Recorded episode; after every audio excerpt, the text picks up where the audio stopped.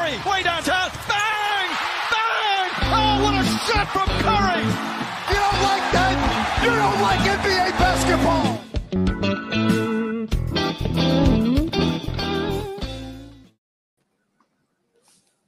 Herkese merhabalar.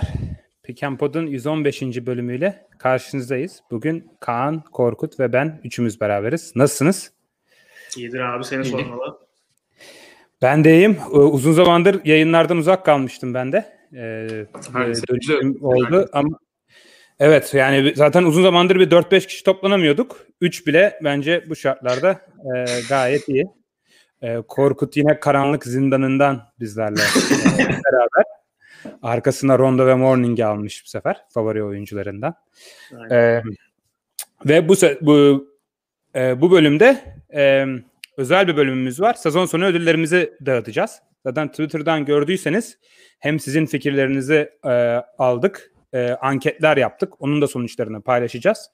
E, bütün verilen ödülleri e, üzerinden geçeceğiz. Üzerine All NBA e, takımlarımızı e, yaptık ve All Defense takımlarımızı yaptık, savunma takımlarımızı. Ve hatta All e, Rookie takımlarımızı da yaptık. O yüzden oldukça detaylı. Yine e, Pick and Pod klasiği e, saat, saatler süren bir bölümle karşınızda e, olabiliriz. Bazı ödülleri o yüzden da- daha hızlı geçeceğiz ama All, All Rookie ikinci takımında bir 15-20 dakika harcarız herhalde. o tabii o tam Pick and Pod e, klasiği öyle olur zaten. E, ona geçmeden önce e, klasik hatırlatmalarımızı yapalım.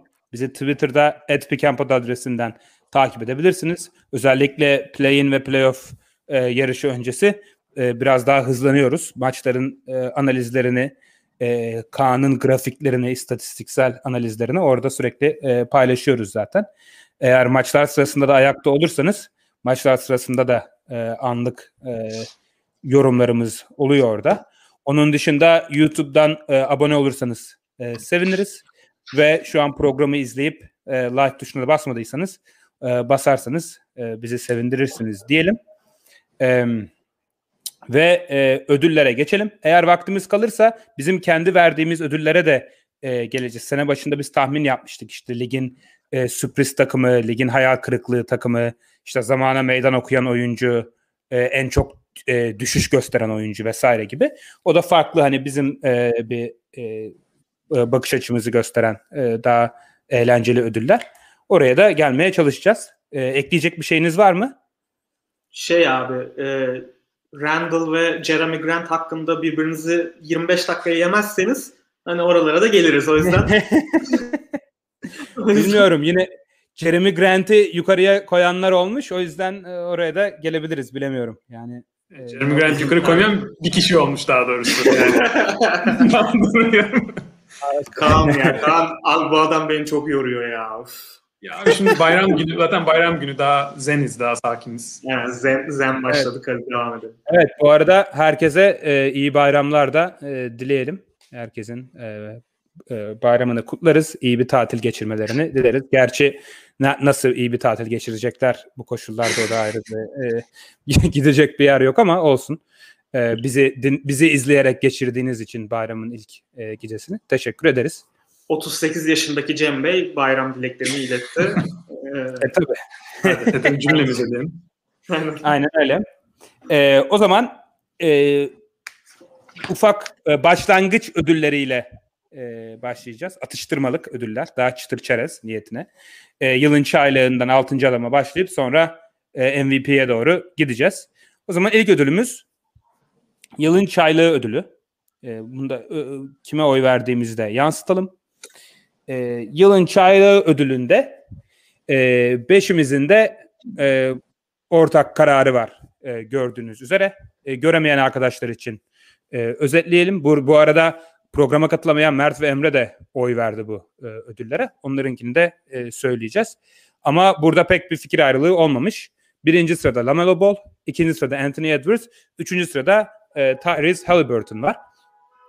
E, Korkut burada e, istiyorsan sen bir e, yorum yani bunu çok uzatmamıza gerek yok. Ama hani Anthony Edwards aradaki oynanan maç farkını da göz önüne alındığımızda sence Lamelo Ball'a yakın mıydı?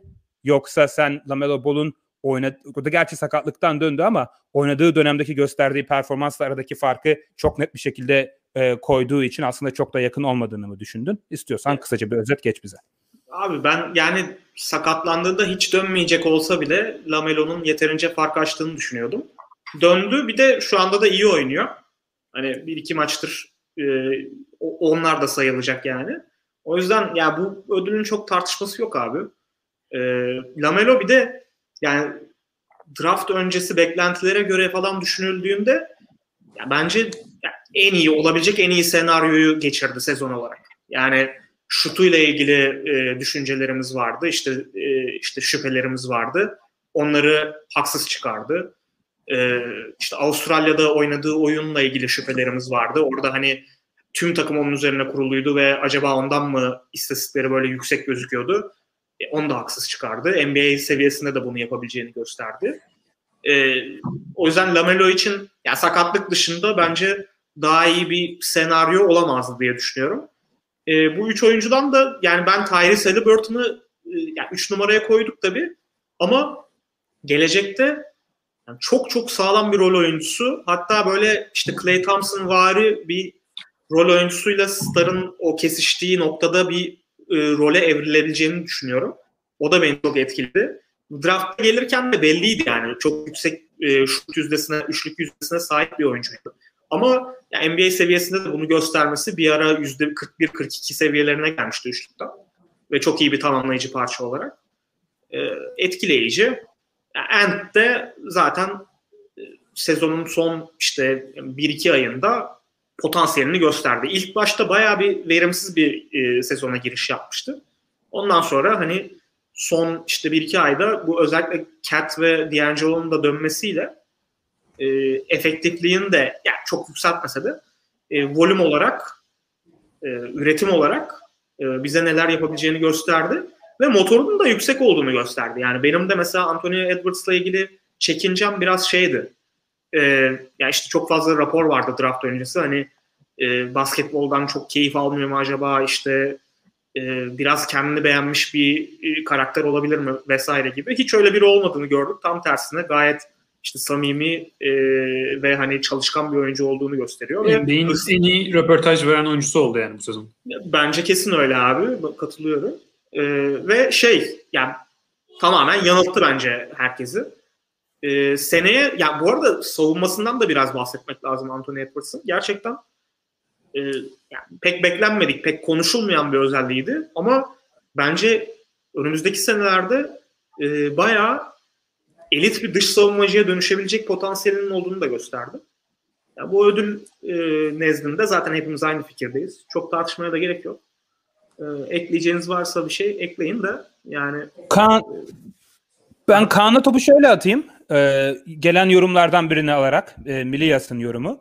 E, eğer mesela sizce Edwards'ın ödül alması için şut yüzdesiz vasat seviyede olması yeterli miydi e, diye sormuş. Sence Edwards'la Lamelo arasındaki en net fark verimlilik mi? Ee, ya en büyük fark verimlilik diyebiliriz. Müttesin Kaan. Ha, pardon. Yok müddet olmam lazım. Duyuyor musunuz? Duyuyoruz abi. Tamam, tamam şimdi ee, duyuyorum. E, legli geldin pardon. Tamam. Ee, en büyük fark verimlilik e, diyebiliriz ama yani makas da açıkçası e, kapandı. Çünkü e, Lamelo'nun biraz e, düştü verimliliği sakatlıktan gelince e, Edwards'ın korkudan attığı gibi yükseldi. O yüzden şu anda bakayım gerçek şut yüzdesi Lamelo'nun %55, Edwards'ın %52 e, civarı. E, ama bence bir büyük e, fark da Lamelo'nun e, playmaking'in de daha yüksek seviyede olması. Yani e, Hornets maçını izlediğiniz zaman e, takım arkadaşlarına pozisyon hazırlamada da e, Lamelo e, bence bu sezon daha e, üstünlüğü vardı Edwards'a göre. O yüzden aynı verimde olsalar bile e, ben yine Lamelo e, tercih ederdim. Bir de şu e, e, yani tabii ki daha yakın olurdu e, ama bir de bir tercih etmemin sebebi de Lamelo bunu da bütün sezon playoff yarışında olan bir takımda e, yapması da biraz daha değerli bence. E, yani aynı verim olsa bile e, daha e, yakın olurdu. E, ama yine Ball derdim öyle diyeyim. Şu anda da mesela e, en değerli oyuncu, en değerli çaylak mesela daha MVP'ye yaklaştığımız gibi yaklaşsaydık ben Halliburton'u yine ikiye koyabilirdim Edwards'ın önünde. Çünkü Edwards'ın sezon başındaki e, gerçekten çok büyük eksi oynuyordu ki bu problem değil yani çaylak sonra geliştirdi. Ama çaylak ödülünde biraz daha böyle en iyi e, potansiyel kim e, seviyeler ya da performans yakınsa onu da düşün, düşünüyorum ben bu ödülde. O yüzden hani e, Halliburton'un da potansiyelini yüksek görüyorum ama Edwards'ın süperstar potansiyelini biraz daha yüksek gördüğüm için e, onu ikiye yazdım. Evet. E, size genel olarak katılıyorum. Ben Edwards'ın All-Star arası sonrası e, performansını oldukça beğendim. Hani Lamelo sakatlandığında ben Anthony Edwards'ın hiç bunu bir rekabet haline getiremeyeceğini düşünüyordum yılın çaylağı ödülünün. Ve beni haksız çıkardı. Bence olabileceği kadar yaklaştı. Ben de Lamelo'yu tercih etmiş olmama rağmen. Yani All-Star arasından sonraki oynadığı 33 maçta e, gerçek şut yüzdesi 56 ve e, 23,5 sayı ortalamasıyla oynuyor. E, bu oldukça iyi.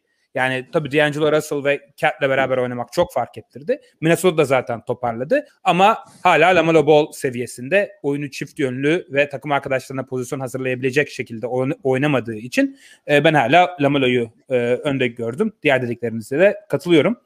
E, çaylaklarda kalmaya devam edeceğiz. E, o çaylak takımlarını da seçtik. Birinci ve ikinci takım.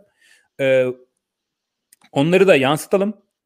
E, genel olarak benzer şekilde düşünsek de ufak farklılıklar oldu. Herkesin e, takımında e, tabii ki e, Ball, Edwards ve Halliburton vardı.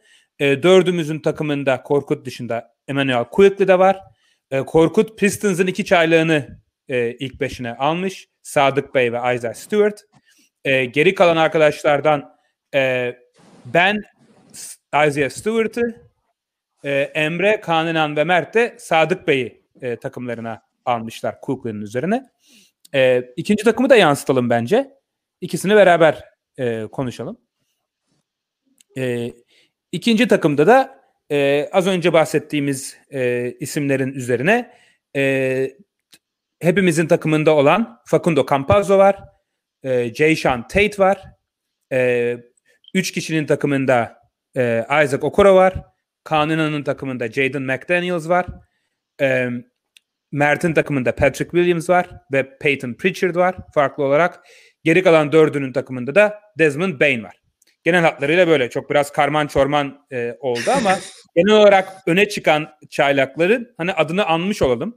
E, buradan Kaan senin öne çıkarmak istediğin veya az önce yılın çaylağı ödülünde bahsettiğimiz üçlü dışında senin gözüne en çok giren veya en potansiyelli e, birkaç çaylağın altını çizebilirsin. Evet. Ee, bir ilk takımından şey söyleyeyim, e, quickly söyleyeyim. Hani herhalde e, o üçlü e, Halliburton, Edwards, Lamanabol üçlüsü dışında e, beni en çok e, etkileyen çaylak e, Quickly oldu verdiği sinyaller açısından. Yani pick and roll oynatabilmesi zaman zaman, çok iyi bir floater e, oyunu olması, şut şutunu hem hızlı çıkarıp hem isabetli e, bulabilmesi. E, biraz e, tek çekin e, çekincem fiziksel olarak e, mesela bir ilk 5 point guard sürekli olmaya ya da playoff'lara mesela girdiğimiz zaman biraz fiziksel olarak dezavantaj yaşar mı? Yani kafamda o soru var ama onun dışında hem beklent yani zaten ben Quickly beğeniyordum ama beklentilerim de üstünde oynadı. Biraz da aslında e, Thibodeau'nun geleceğiz ona yılın koçunda ama Thibodeau'nun da e, çok e, bekledi yani istediğim kadar şans vermediği bir oyuncuydu gerçi ama o kısa sürelerde e, güzel katkı yaptı. E, ikinci takımda da e, bir başka e, şeyden point guard'dan bahsedeyim. E, Campaz, e, Campazzo, Facundo Campazzo. E, o da e, Jamal Murray ve e, Montemoris'in aynı anda sakatlanmasından sonra e, yani sonuçta şampiyonluk e, yarışının artık çok büyük bir aday olmasa da Nuggets yine de dışarı adaylardan biri e, yok hiç olduğu için. E, o takımda e, son e, Jamal Murray sakatlığından beri son maçlarda e, yaptığı katkı e, ve galibiyete bu kadar net oynayan bir takıma e, yaptığı katkı çok etkileyici. E, tabii ki Campazzo buradaki e, bir sürü çaylaktan farklı olarak e, yaş olarak e, önlerinde. E, gerçi Jason Tate de mesela e, daha yaşlı bir çaylak. E, ama e, NBA ilk senesinde e, gel, gelmesiyle bu kadar e, net ilk 5 katkı verebilmesi e, iyi bir takımda. E, benim çok e, yani hoşuma da gitti Campazzo çok beğendiğim bir oyuncu. E, oraya da güzel oturdu.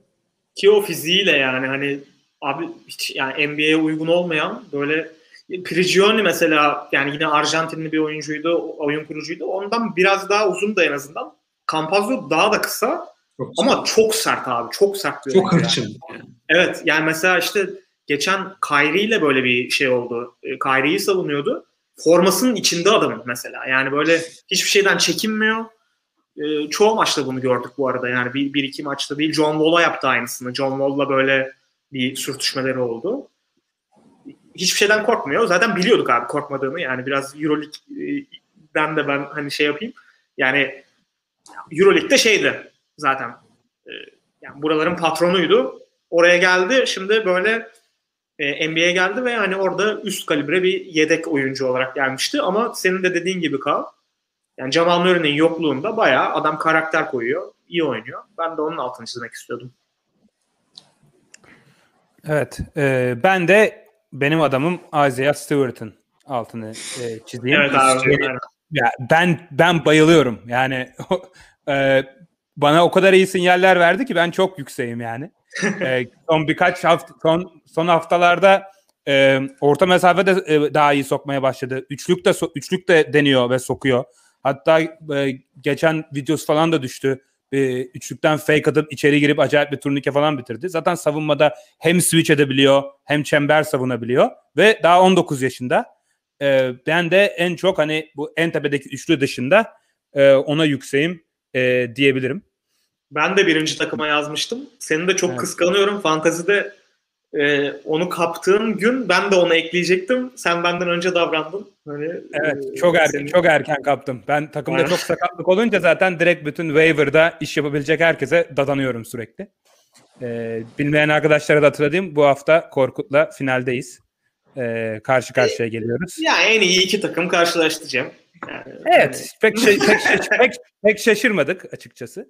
E, zaten beklentiler bu yöndeydi. E, sana bol şans diliyorum diyeyim. Teşekkürler. Ee, bir sonraki e, ödülümüze e, geçelim o zaman. E, çaylaklara ekleyecek bir şeyiniz yoksa. E, bir sonraki ödülümüz 6. adam ödülü. E, burada biraz daha fikir ayrılıkları e, olmakla beraber daha çok benzer isimler yine e, ön plana çıkmış. E, Korkut, Kaan, ben ve Emre e, Joe Ingles'ı birinci sıraya koymuşuz. E, aynı şekilde dördüm, dördümüzde de Thaddeus Young e, ikinci sırada. E, yine şu an yayındaki üçlü Jalen Brunson'ı üçe yazmış. E, Emre'nin ikinci ve üçüncüsü de Thaddeus Young, Derrick Rose. Mert'in 1-2-3'ü biraz farklı bizden. O Jordan Clarkson, Thaddeus Young ve Derrick Rose'u e, koymuş. Ben şu an Mert'in acaba şeyi balotu eski balot mu falan diye düşündüm. Çünkü Jordan Clarkson'ı görünce bayağı şaşırdım bu arada. Ee, ben de şaşırdım. Yani Joe Ingles'ın olmamasına biraz e, şaşırdım açıkçası. Evet. Yani e, Joe Ingles birkaç kere bahsettik zaten. Tarihin en iyi dış şut performanslarından biriyle oynuyor e, gerçekten. E, ve bence Jordan Clarkson'ın net bir şekilde önünde. E, ben hani üçüncü sıradaki ismimizi hemen altını çizeyim. Sonra topu size atacağım. Joe Ingles ve Thaddeus Young'la alakalı bir şey eklemek isterseniz. Yani Jalen Brunson e, gerçekten ligin en iyi yedek gardı gibi oynuyor e, büyük ihtimalle. Yani hatta bence e, birçok takımın ilk 5 başlayabilecek seviyede bir oyuncu zaten. E, yani şut yüzdeleri çok iyi. Yani %52 ile sayı içi isabeti var. %39'da üçlük atıyor ve yani sizin yedek gardınızdan isteyeceğiniz her şeyi yapıyor. Takımın o sahadayken takımın e, offensive ratingi 116. E, bu çok çok iyi bir oran. E, genel olarak sah- o sahadayken takımı çok daha iyi oynuyor. E, geleneksel istatistikleri de baktığınızda 12.5, 3.5, 3.5 e, o da çok iyi. E, o yüzden ben benim zaten çok beğendiğim bir oyuncu. Onu da 3'e koyarak ödüllendirmek istedim ama Joe Ingles ve Thaddeus Young seviyesinde de olmadığını düşünüyorum. E, o oyuncular hakkında Kaan belki sen e, biraz daha detaylı yorum yapmak istersin. Evet yani Joe Ingles'dan biraz e, bahsettim. E, Joe Ingles şu anda NBA tarihinin en verimli e, üçüncü, dördüncü dış e, oyuncu performansını e, veriyor. Yani muhteşem bir üçlük yüzdesi var. Zaten e, genel oyunu şut, profiline bakarsanız tamamen böyle Moribol'a odaklanmış. Ya pota altından ya üçlükten bitiriyor. Onun yanında aynı zamanda bir ikinci, üçüncü playmaking rolünü de çok sık üstleniyor Utah Jazz'da. Mesela Clarkson ve Ingles'ı e, bir arada yani karşı karşıya e, düşünürsek e, Clarkson o kadar iyi başlamıştı ki sezona. E, hani biz de şey diyorduk artık ilk bir iki ayda yani Boylül'ü e, kapattı gibi yani çok birinin de e, yetişmesine gerek yok. O yüzden e, belki izleyicilerimiz de şaşırabilir biz bir, yani çoğumuzun e, almamasına. E, ama Clarkson e, son e, bir iki ayda gerçekten e, çok büyük bir e, düşüş yaşadı. Bir toparladı birkaç maç ama genel e, performansına bakarsak e, mesela üçlük yüzdesi yüzde e, 40'lara dayanıyordu. Yüzde 34'e düştü bu e, ortalamanın altında. Hala maç başına yani 18 sayı atıyor ama e, yani verimden çok bahsediyoruz. Verim, şut verimi özellikle Clarkson gibi oyuncu için çok önemli. Çünkü Clarkson zaten işi girip sayı atmak. Yani e, mesela Joe Ingles ondan daha verimli sayı atıyor. Hem de daha iyi bir playmaker. Yani e, daha iyi pas yapıyor. E, daha iyi hücum yönetiyor. Ve Joe Ingles Clarkson'dan daha da iyi bir savunmacı aynı zamanda. Yani e, belki sokakta görseniz inanmazsınız. E, ama Joe Ingles e, çok iyi bir pozisyon savunmacısı. Daha e, fizikli. E, yani çok çok iyi bir savunmacı mı? Değil ama e, gayet yeterli bir e, savunmacı. O yüzden hem o e, Clarkson farklı olan e, büyük verim farkı ve oyunun diğer tarafını daha iyi oynayabilmesi e, benim için net e, önüne çıkardı. E, Ted, Ted Young da benim e, en bu yani en beğendiğim 6. adam e, performans kişisi olarak. Yani Ingles'in performansı objektif olarak daha üstüne koyuyorum. Ama Ted Young'ın e, Bulls'u gelip toparlaması e, bench'ten girdiği zaman e, hem savunmada hem hem o da e, pick and roll'de devrilip e, pasta atıp playmaking böyle bir mini Draymond Green rolünde oynaması e, çok etkiliydi bence. E, Korkut sana bir sana e, soruyla e, top atacağım. Bu oyuncularda şey oluyor bazen. Mesela şimdi Utah Jazz'da sakatlıklar oldu. E, Ingles ilk 5'e e, yerleşti. E, sezon boyunca mesela Ted Young da bir ara e, Chicago Bulls'da ilk 5'e yerleşmişti. E, yani bu 6. adam ödülünü verirken e, oyuncuların ilk 5'te ve yedekten gelmesini e, nasıl değerlendiriyorsun? E, yani çünkü bir, bir, bir bakış açısı e, ilk 5 başladığı maçlardaki değerinin çok sayılmaması lazım. Diğer bakış açısı aslında yedek olmanın bir anlamı da sakatlık olursa orayı doldurmak da bir e, yedek rolü sonuçta. Ben senin ikinci dediğine daha çok yakınım. Yani ya şey zaten bir kota var. Hani altıncı adam olmada e, onu kontrol eden. Yani belli bir noktadan sonra ki bence Ted Young ona yakındır herhalde diye tahmin ediyorum. Hani bayağı bir ilk 5 çıktığı maç oldu çünkü. 20 ee, 65 maçın 20'sinde çıkmış. Değil mi? Aynen. Evet. E, bayağı bir çıktığı dönem olmuştu. Sonra işte bu Daniel Tice, Vucevic falan gelince birazcık daha yine e, 20 dakikalık o bench rolüne soyundu. Ama performansı da çok düşmedi bu arada. Yani ben yıl içinde çok takip ettim Ted Young'ı. Hep o e, yüksek şut yüzdesi, yüksek e, tepede oyun kurduğu için Draymond, e, Draymond rolü dedim Kaan. Oradaki o asist e, şeyi değişmedi yani. E, ilk 5'te çıksa e, 6. adam olarak da gelse değişmedi. E, ben de o, o açıdan Ted Young'ı çok beğeniyorum. İngiliz'le ilgili zaten her şeyi anlattınız. İngiliz dediğin gibi Kaan yani bir de gerçekten ya evet çok iyi bir savunmacı değil ama böyle e, mesela şey aklıma geliyor. İşte bu Paul George'u böyle çok rahatsız ettiği bir seri vardı ya. Yani hiç atletik olmayan bir oyuncunun sırf pozisyon bilgisiyle bunları yapabildiğini görüyoruz. Üstüne üstlük böyle işte %70'lerde true shooting'li geçirdiği bir dönem oldu. İşte yok Mike Conley sakatlanıyor. Onun yerine playmaking'i yapabiliyor. Donovan Mitchell'ın boşluğunu kapayabiliyor. Yani bu kadar çok böyle delik kapama üstüne ekstra katkı verme rolü olduğu için Joe Ingles bu yol bence çok tartışmasız yani kazanması. Ee, geçtiğimiz yıllarda Joe Ingles'in mesela şutunda sorun olduğu yıllar da oldu. Mesela son iki yıldır sanırım e, yüzdeleri... İlk geldiğinde. Evet yani yüzdeleri böyle değildi. E, bu yıl böyle çok ekstrem bir seviyeye çıktı sisteminde biraz değişmesiyle. E, o açıdan çok takdir edilir. E, yani Brunson'la da ilgili abi yani benim ligde böyle en sempati duyduğum oyunculardan biri. Şey böyle çok underdog bir oyuncu. Ama ya mesela yedekten girdiğinde o kadar güvendiğiniz bir yedek guard var mı yani sizin? Ben çok aklıma gelmiyor. Yani Brunson girer 13 4-4 e, yapar. Yani hani ben böyle şey çok stabil bir rolü olduğunu düşünüyorum.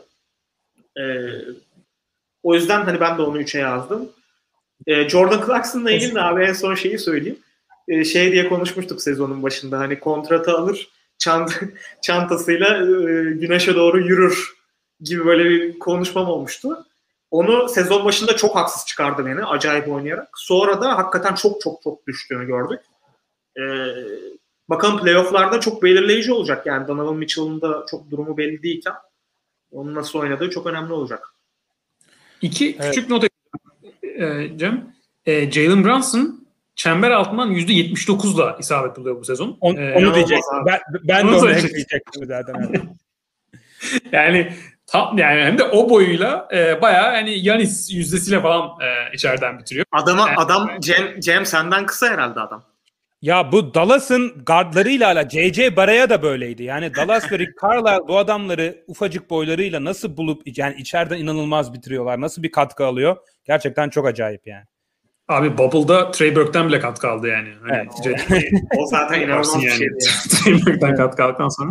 E, Rose'u da küçük pencere açayım. O da New York'taki performansı e, birinciliğe bile e, koyulabilir. Yani e, New York'un sezon sonuna doğru çıkışında bench'ten gelip e, muhteşem e, katkı verdi. Üçlüğü falan da saçma sapan bir seviyeye çıktı bir anda. Biraz maç eksiği olması, sezon başındaki performansın daha düşük olması ben o yüzden e, almadım. E, ama düşünülebilir. E, Jordan Clarkson'da şey de söyleyeyim yani, e, yani genel olarak negatif konuştuk şu anda. E, ama ben ilk sıraya almasam da mesela 3'e 4'e e, düşünebilirim daha yani koymadım. Ama genel performans sonuçta o çok iyi performans verdiği bir döneme, dönem vardı sezonda. İki buçuk Evet. ay, iki buçuk ay birinci diye konuşuyorduk yani. O yüzden o da önemli. Evet. Ben 3. sıraya Tim Hardaway Jr.'ı da e, yazmayı düşündüm açıkçası. E, sonra Jalen Brunson'da karar kıldım deyip o da iyi bir katkı veriyor yine Dallas'ta takım arkadaşı olarak. E, başka ekleyecek bir şeyiniz yoksa e, bir sonraki e, ödüle geçebiliriz. E, sene başından beri bizim en tartışmalı ödüllerimizin e, başında ge- geliyor ama bu sefer tartışmalar biraz daha dinmiş gibi gözüküyor. Çünkü Nasıl nasıl mutlu mutlu bu geçti. Evet, en çok gelişme gösteren ödülünde e, Julius Randle biraz kendine ayrıştırdı e, bence e, e, ekibin geri kalanından. Sadece bence değil, ekibin tüm tümü de böyle düşünmüş olmalı ki e, Julius Randle birinci sırada beşimizde de. E, ikinci sırada e, benim dışımdaki herkes Jeremy Grant yazmış. Ben Shea Gilgeous Alexander yazdım. E, üçüncü sırada farklı isimler var e, Shea Gilgis Alexander, e, Joel Embiid ve Zach Levine oluşturuyor üçüncü sırayı. E, şimdi e, Randall'la e, açalım e, konuyu. E, ben yani zaten bir önceki bölümlerde de detaylı çok e, tartıştık Randall ve Grant'in.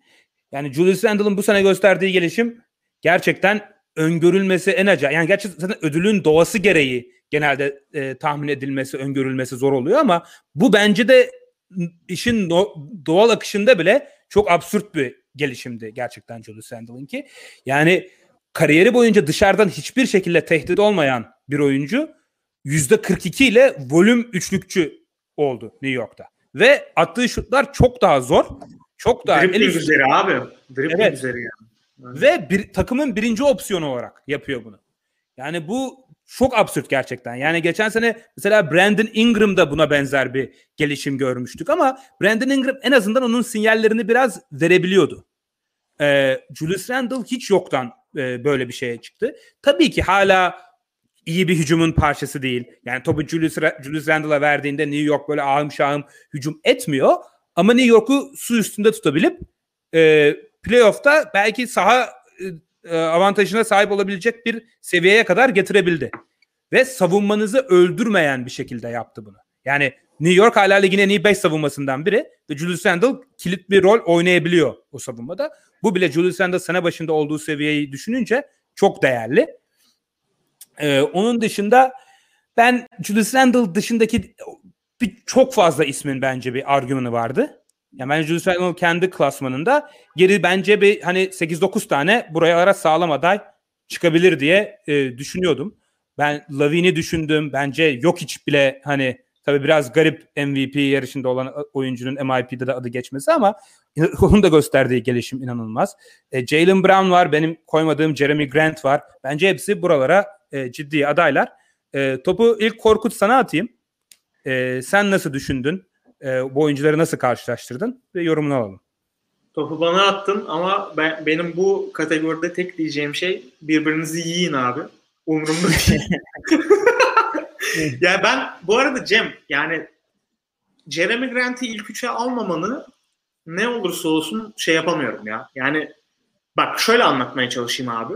Yani e, bir sürü tabii ki de argümanın olabilir.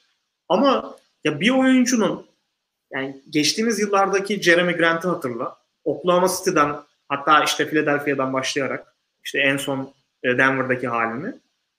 Yani tüm oyun tarzını değiştirdi ve ya bunu tamamen şey yaptı. Böyle e, çok efektif olmayabilir. Sezon sonuna doğru düşmüş olabilir efektifliği. Ama oyun tarzını bu kadar değiştirmesi ve bu şekilde e, bir başarıya ulaşması işte 23 sayı ortalama neyse yani bir şekilde oraya gelmesi, dribbling üzeri oynaması, işte faal aldırması, e, üçlükleri, dribbling üzeri üçlükleri ya bu kadar böyle oyununda hiç bilmediğimiz şeyleri bir anda böyle e, unlock etmesi yani işte bir anda ortaya çıkarması ya sana etkileyici gelmedi mi abi? Ben yani hakikaten ilk üçe almamayı çok mantıklı göremiyorum yine de. Okey geldi. Evet zaten benim de yani 7-8 kişilik listemde var daha geniş çaplı ama ya çok aday var gerçekten buraya. Yani ben mesela şey Gilgis Alexander'ın gelişiminden çok daha fazla etkilendim. Yani ben mesela Gilgis Alexander'ın hiçbir şekilde yani bir takımın birinci opsiyonu olarak veri istikrarlı ve verimli bir şekilde hücum edebileceğini düşünmüyordum. İnanılmaz dar bir OKC kadrosuyla bunu başardı. Kısıtlı sayıda başardı ama başardı. Hem şutu daha iyi, bitiriciliği daha iyi, takım arkadaşlarına pozisyon hazırlaması daha iyi ve bana daha sürdürülebilir geliyor şey Gilgis Alexander yaptı ve daha önemli bir atılım. Yani şey, bir takımın iyi bir takımın birinci opsiyonu olmak şey Gilgis Alexander'ın Alexander'ın başardı. Jeremy Grant'in geldiği seviyeden bana biraz daha değerli geliyor. Joel Embiid de aynı şekilde All NBA seviyesinden MVP seviyesine çıkmış olması belki çok etkileyici değil gibi ama yani oyununa acayip silahlar ekledi Joel Embiid. Sen bunu hep anlatıyorsun sezon başından beri. Ee, bu yakın orta mesafeden şut kaçırmıyor adam. Evet. Yani inanılmaz fit. Ee, oyunundaki bütün bu eksiklikleri yonttu ee, ve bir üst seviyeye atladı. Yani top kayıplarını azalttı. Orta mesafesini e, düzeltti. E, daha fazla faul alıyor. E, daha iyi bir bitirici. O yüzden ben orayı hak ettiğini düşünüyorum ama dediğim gibi Jeremy Grant de ikinci sıraya e, kesinlikle yazılabilecek e, seviyede oynadı. Ben biraz daha diğerlerinin gelişimini daha önemli ve sürdürülebilir bulduğum için e, almadım Grant'i. Ben lafı Kaan'a atmadan yani kısaca hani Grant'le ilgili ya zaten söyledim de oyun tarzını bu kadar değiştirmesi benim için etkileyici. Yani yoksa e, şey Gilgis Alexander Evet yani dediğin gibi. Playoff'larda biraz göstermişti. Özellikle hücum yönünü. Ama yani geçen normal sezona göre çok ciddi gelişim var. Katılıyorum. İşte şey e, asist asiste uğramadığı yani asistle olmayan üçlüklerinin bu kadar böyle başarılı olması, yüzdesinin yüksek olması, kendi yaratımının bu kadar başarılı olması yani benim de çok beklediğim bir şey değildi. Ee, NBA'de de katılıyorum. Ee, ama işte yani mesela bu ödülde ben böyle Embiid, Jokic, Doncic mesela geçen yıllarda işte bir kere Antetokounmpo'yu da böyle konuşmuştuk galiba. Ee, hani bu ödülde çok şey görmüyorum abi. Mert'le benzer düşünüyoruz o konuda. Hani sanki böyle o oyuncunun değerine yakışmayan bir ödülmüş gibi. Ee, yani bu kişisel bir yorum tabii ki de. Ee, o yüzden yani Jeremy Grant'i ikiye koydum. Kaan yani sana atayım abi sözü. Zaten aynı mı senle? Yok sen Embiid'i 3'e koymuşsun e, Jeremy Grant 2 ve e, Cem'in yorumu hakkında ne düşünüyorsun? Ya benim kafamda açıkçası e, yani yetenek gelişimi olarak Julius Randle birinci seviyede arkasından aslında Grant ve Gilgis Alexander geliyor. E, sonrasında diğer oyuncular geliyor ama Gilgis Alexander 35 maç oynadığı için e, biraz e, şey yaptım. Yani. E, yani en çok gelişme gösteren oyuncuda oyuncunun gösterdiği gelişim inanıyorsanız maç sayısı çok önemli değil ama 35 maçta tam sezonun yarısından bir, bir maç daha az. Yani biraz fazla az diye e, ilk üçe e, almak istemedim ama e, SC hakkında güzel bir istatistik vereyim. E, bu sezon bulduğu iki sayılık basketlerin %7'si asist üstünden. %7. Yani bu bu rakamlarla çok haşır neşir değilse e, izleyicilerimiz bu mesela normalde bir guard için mesela geçen sene e, SC için %24'tü. Ondan önce %30'du. Yani bu her, bulduğun her 10 e, 10 basketin 2-3'ü asist üzerinden geliyordu. Normal bir guard gibi. Bu muhteşem düştü. Yani %7 demek e, çok çok düşük bir e, bir rakam. Ve toplam bulduğu sayıların asist oranında e, yine NBA'de en düşüklerden. Yani bütün ligde. Bu da onun hani bu gelişimindeki zorluğu da gösteriyor bence. Adımı da gerçi Baltimore koymadım. Ondan bahsediyorum. E, Grant için de şey söyleyeyim. Yani evet e, rol ağır geldi. Zaten ağır gelecek bir rol e, Grant'e. Ama e, bir, bir iki bence önemli nokta var. Bir, e, verimi düştü ama genel verimi lig ortalaması çok altında değil. Yani e, lig ortalamasının çok bir tık altında. Mesela Julius Randle'ın verimi de e, oralarda. E, ve e, Jeremy e, Jeremy Grant'in e, sahada olduğu sürece Detroit Pistons'ın performansı e, böyle plain e, takımı seviyesinde. Yani normaldeki şeylerinde değil. E, çok çok kötü e, normal Pistons halinde değil. Ve o veriminin biraz düşüklüğünü de e, etrafındaki e, oyunculara vurmak da e, bence e, makul. Çünkü sonuçta etrafında hani en iyi bu sene en iyi takım arkadaşı Grant'in kimdi? Ellington veya Mason Plumlee e, falandı. Yani e, öyle bir, yani ya da Çaylak Sadık Bey diyebilirsiniz mesela hani iyi şut attığı için. E, ama öyle bir ekipte bence lig ortalamasına yakın bir verimde Korkut'un senin bahsettiğin gibi bu kadar büyük bir e, yetenek gelişimi göstermesi e, ve onu hani SCR'den daha çok maç oynayarak yapması beni onu kendi klasmanına koydu. Embiid'in de orta mesafe gelişimi çok çok etkileyici ve belki de e, şeyi derseniz bu sezon NBA'deki en önemli tek yetenek gelişimi nedir? E, Joel Embiid'in orta mesafesi herhalde. E, o yüzden hani onu da orada öğrendirmek istedim. Ben bir oyuncu MVP seviyesine gelse bile e, çekinmiyorum şeye koymaktan, en çok geliştirme gösteren oyuncu koymaktan. E, yok hiç de koyabilirdim. Yok için mesela playoff performansları çok çok üst seviye olduğu için e, onu o, oradan biraz e, notumu kırdım. Benim daha çok yapmadığım şey biraz yorumlarda görüyorum. E, ikinci sene oyuncularının normal ikinci sene oyuncu gelişimleri olduğu zaman e, onlardan biraz puan kırıyorum. Mesela Michael Porter Jr.'ı e, oraya koyabiliriz. Yani çok iyi bir seviyeye çıktı e, ama orada dakikaların artması, o şansın artmasının büyük bir etkisi var. Bir de geçen sezon ki e, yükseldiği taban çok belirsiz bir taban. Yani e, sakatlıkların olduğu, süresinin az olduğu. Nitekim aynı şekilde Zayn de mesela. Yani en büyük gelişi kim gösterdi? Aslında Zayn Williams'ın gösterdiği gelişim bence Julius Randle'dan bile daha fazla olabilir. Yani geçen seneki seviyesine, bu seneki seviyesine e, bakarsanız. E, ama geçen sene o da hatırlamıyorum 18 maç mı oynamıştı? Yani e, 30 değil miydi? 30'larda mı? Ben ben de 18 diye hatırlıyorum abi. Ha, tamam pardon. E, yani çok çok az maç e, sayısı oynamıştı. Bir de biraz Bubble'daydı. Ha, 24'müş. Evet Bubble'da işte 5 6 kaç maç oynadı. E, 24. E, yani çok düşük bir e, temel olduğu için e, yani böyle bir oyuncunun ne olduğunu tam anlayam anlaması zor bir temel olduğu için mesela onu da düşünmedim. Çok çabuk bir şunu yorum yapayım. Yani e, Gildas Alexander'ın çok az maç oynadığı ile ilgili e, bir iki yorum vardı. E, evet doğru ama bence en çok gelişme gösteren ödülü ben sahaya etkisi açısından veya sahaya kattığı değer açısından onu çok e, göz önüne almıyorum açıkçası. Yani benim açımdan oyuncunun gösterdiği gelişim onu gördüysem tabii ki sürdürülebilirlik açısından ne kadar çok maç oynarsa o kadar iyi. Ama sonuçta bu tamamen bireysel bir ödül. Diğer ödüllerin biraz aksine aslında.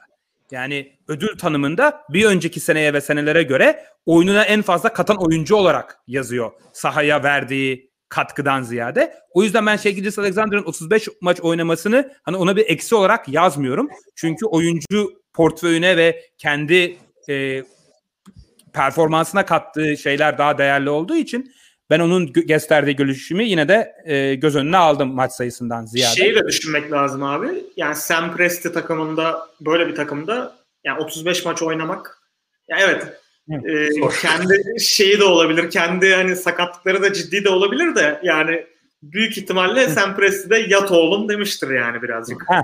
Onun için adamı da cezalandırmamak lazım yani. Aynen öyle. Bir de SC sen Cem söyledin bilmiyorum kaçırdım belki bir şey bakalım. SC oynarken o kesin şey çok iyiydi derecesi. Evet. Ee, 35 maçta yani yanlış söylemeyeyim herhalde 16-19 falan vardı öyle bir şeyler. Yani %50'ye çok yakın. Abi. %50'ye çok çok yakınlardı. Hatta işte o sakatlandıktan sonra zaten bir daha 3 maç mı ne kazandılar yani. Evet. evet.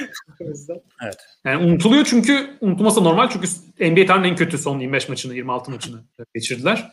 Process evet bile daha çok fark yiyorlar şu anda. Bir Boston'ı evet. saçma sapan böyle bir 20 sayı yok ha. 20 sayıyla yenmediler de kazandılar. Ya yendiler yani. Aynen. Evet. Ya zaten bu en çok tartışmanın bu ödülde olması da çok normal. Çünkü biraz sizin sezon öncesi beklentileriniz veya oyuncuyla ilgili düşünceleriniz çok etkiliyor sizin analizinizi. O yüzden çok e, subjektif olması kadar doğal bir şey yok. Zaten her sene en fazla aday olan ödül genelde bu oluyor. E, o yüzden hani istediğiniz gibi e, yani eleştirilmek ya da farklı yorumlarda bulunmak son derece normal diye düşünüyorum. E, o zaman e, bir sonraki ödülümüze geçebiliriz bir şey ekleyecek bir şeyiniz yoksa. E, yılın koçu ödülü sıradaki ödülümüz. Yılın koçu ödülü tekrardan sizlerden bu grafik için özür diliyoruz. Koç, koçların koçların fotoğrafları internette gerçekten oldukça kötü olduğu için e, bizim de e, teknolojik ve design e, sıkıntılarımızdan dolayı biraz böyle çirkin bir e, slide oldu. Editörümüze ee, laf mı ediyorsun sen ya? Editörü... Estağfurullah, estağfurullah. Ne haddime. ee, bu slaytların benim benim de hazırlama benim de katkım olduğu için ben kendime de biraz e, e, laf atıyorum. E, burada genelde aynı isimler olmasına rağmen sırada e, biraz e, fikir ayrılıkları e, olmuş. E, ben, Kaan, Emre ve Mert Queen Snyder birinci sıraya e, koymuşuz. E, Korkut ise tam Thibodeau'yu birinci sıraya koymuş. Cem bir araya gireceğim. Ee, ödül başında yapacağız demiştik. Sonra yapmadık. Her ödülde Twitter'da da sorduk. E, anket e, cevaplarını aldık. Çok kısaca onlardan bahsedeyim. Bunu da söyleyeyim. Sonra e, öyle geçelim istersen. E, çünkü hani orada bir interaktiflik yakalamak istiyorduk. Güzel de e, cevap aldık. E, yılın çaylağında e, bizim gibi e, düşünmüştü e, ankete cevap verenler. Lamela Ball e, birinci, %66 oy. Anthony Edwards %28 ikinci. Halliburton oy alamadı ama tabii oylamada birinciye verdiğim için tam sıralama oturmuyor yani. Ama insanlar e, Lamela Ball ve e, Edwards'a vermiş. E, ondan sonra en çok geliştirme gösterdi. Julius Randle galiba tüm anketlerdeki en büyük üstünlük. %88'ini almış e, e, bütün oyların. Onun Cem Bur- Burner'lardan girip herhalde oy verdi. Cem'in kaç tane Twitter hesabı var? ee, onun şimdi üçüncü ödülümüze geldik değil mi? Ee, üçüncü olarak da en iyi yılın koçunda e, çok yakın bir çekişme var. Yalnız burada söyleyeyim e, bazı takım e, accountları retweet etti galiba oyları arttırmak için koçlarına ki bu da hani yapılabilir ama ne kadar e, anketin ve ben anket çalışmalarına profesyonel olarak katıldığım için anketin sağlıklılığına tam ne kadar güvenelim bilemedim. E, e, bu oylamada birinci e, Tom Thibodeau şu anda yüzde 41 e, ankete katılanlardan. İkinci Quinn Snyder yüzde 26. Monty Williams üçüncü yüzde 21. Doug Rivers yüzde 12 dördüncü. Yani Thibodeau birinci, Snyder, Monty Williams e, yakın iki üçüncüler.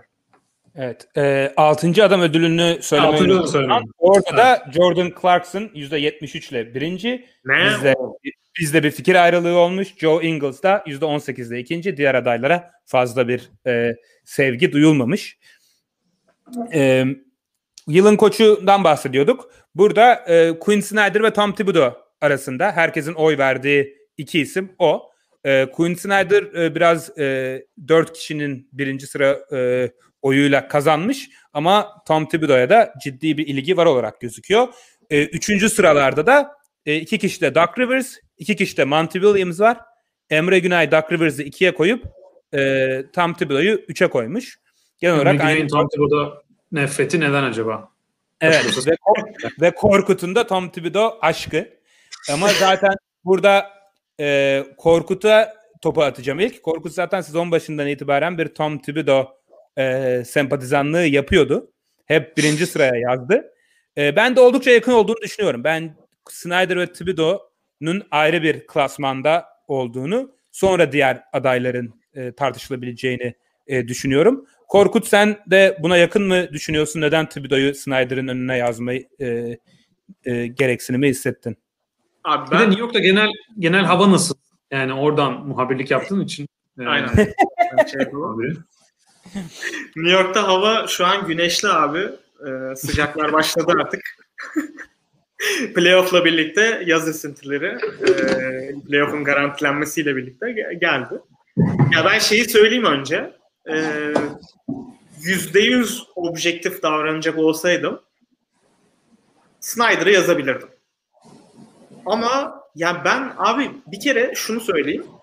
Thibodeau'nun Minnesota'daki kariyerini hatırladığım zaman yani orada hani ne kadar böyle başarısız olduğu ve e, işte zamanın arkasında kaldığı bu konuları çok konuşmuştuk e, bizde.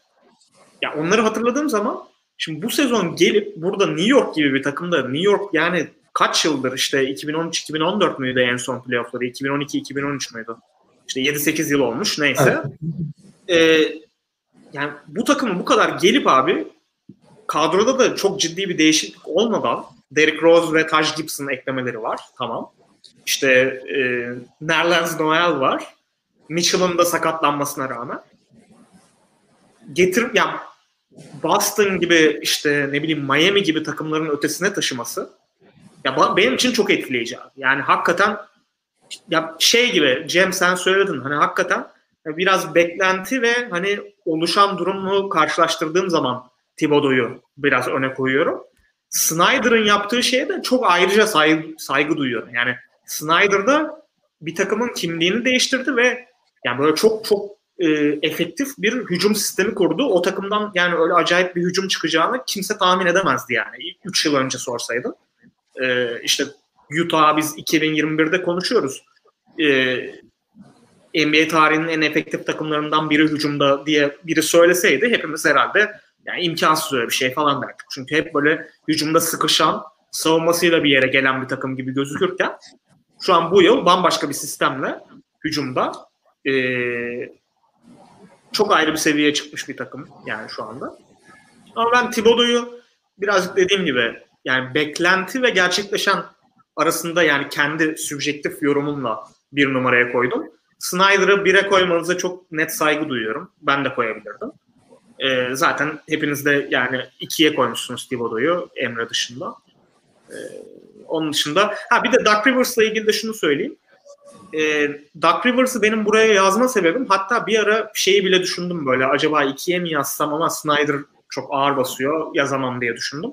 Doug Rivers geçen yıl eğer Embiid e, sakatlanmış olsaydı sakatlandığı noktada ve koç Brett Brown olsaydı bence Sixers çok ciddi sorun yaşardı abi. Yani e, hiçbir şekilde o temposunu devam ettiremezdi. Biz şeyi gördük yani hani Embiid sakatlandığında 10 maçta 7 galibiyetleri falan vardı. Yanlış hatırlamıyorsam. Hani o tempolarını kaybetmediler. Farklı oyunculara farklı roller çizdi Doug Rivers. O oyuncularla ilişkilerini sezon boyunca geliştirdi. Simmons'a birazcık daha farklı bir paye çizdi. Seth Curry'e güvendi. Seth Curry ki sezona çok iyi girmişti sonra düştü. Ama ona güvenmekten vazgeçmedi biraz belki de çaresizlikten. Furkan, Danny Green güzel dönemler geçirdiler. Brett Brown'un e, yönetimde olduğu dönemde e, bunları böyle çok bölük bölçük görüyorduk. Hani Doug Rivers onu bir şeye oturttu, bir raya oturttu takımı ve Embiid'in sakatlığı bile o raydan çıkmalarına e, şey yapamadı yani, sebep olmadı. O yüzden 3'e yazdım. E, yani genel olarak yorumlarım böyle. Dediğim gibi abi Snyder 1'e de yazabilirdim. Öyle çok çok uzak değil yani benim için. Kaan? Ee, benim için de Cem senin dediğin gibi yani ilk iki aday Snyder ve Thibodeau'ydu. Arkasından çok aday var aslında. Zaten yılın koçunda çok aday var. Mesela Doug Rivers'ı ben koyabilirdim. Taylor Jenkins mesela bence muhteşem bir iş çıkardı. Memphis'in, e, Jaren Jackson'ın daha 4-5 maç oynadığı bir sezonda e, bu kadar e, performans alabilmesi takımdan. E, Tyron Lue yine çok iyi bir iş çıkardı. Clippers şu anda NBA tarihinin en iyi şut atan takımı e, ve iyi bir e, sistem oturttu orada. Frank Vogel, Anthony Davis ve LeBron sakatlıklarına rağmen Lakers ligin en iyi savunmaları arasında. E, ve Steve Nash bence belki de en yani en underrated performansı Steve Nash'in olabilir. Çünkü yani bakıyorsunuz Nets'e Durant var, Kyrie var, Harden var. Gelsin babam da oynatsın dersin yani takımı ama o oyuncular hem birlikte oynamadı hem de sezon boyunca bir sürü farklı oyuncuyu çok iyi rolde entegre etti. Yani mesela Bruce Brown'u düşünün.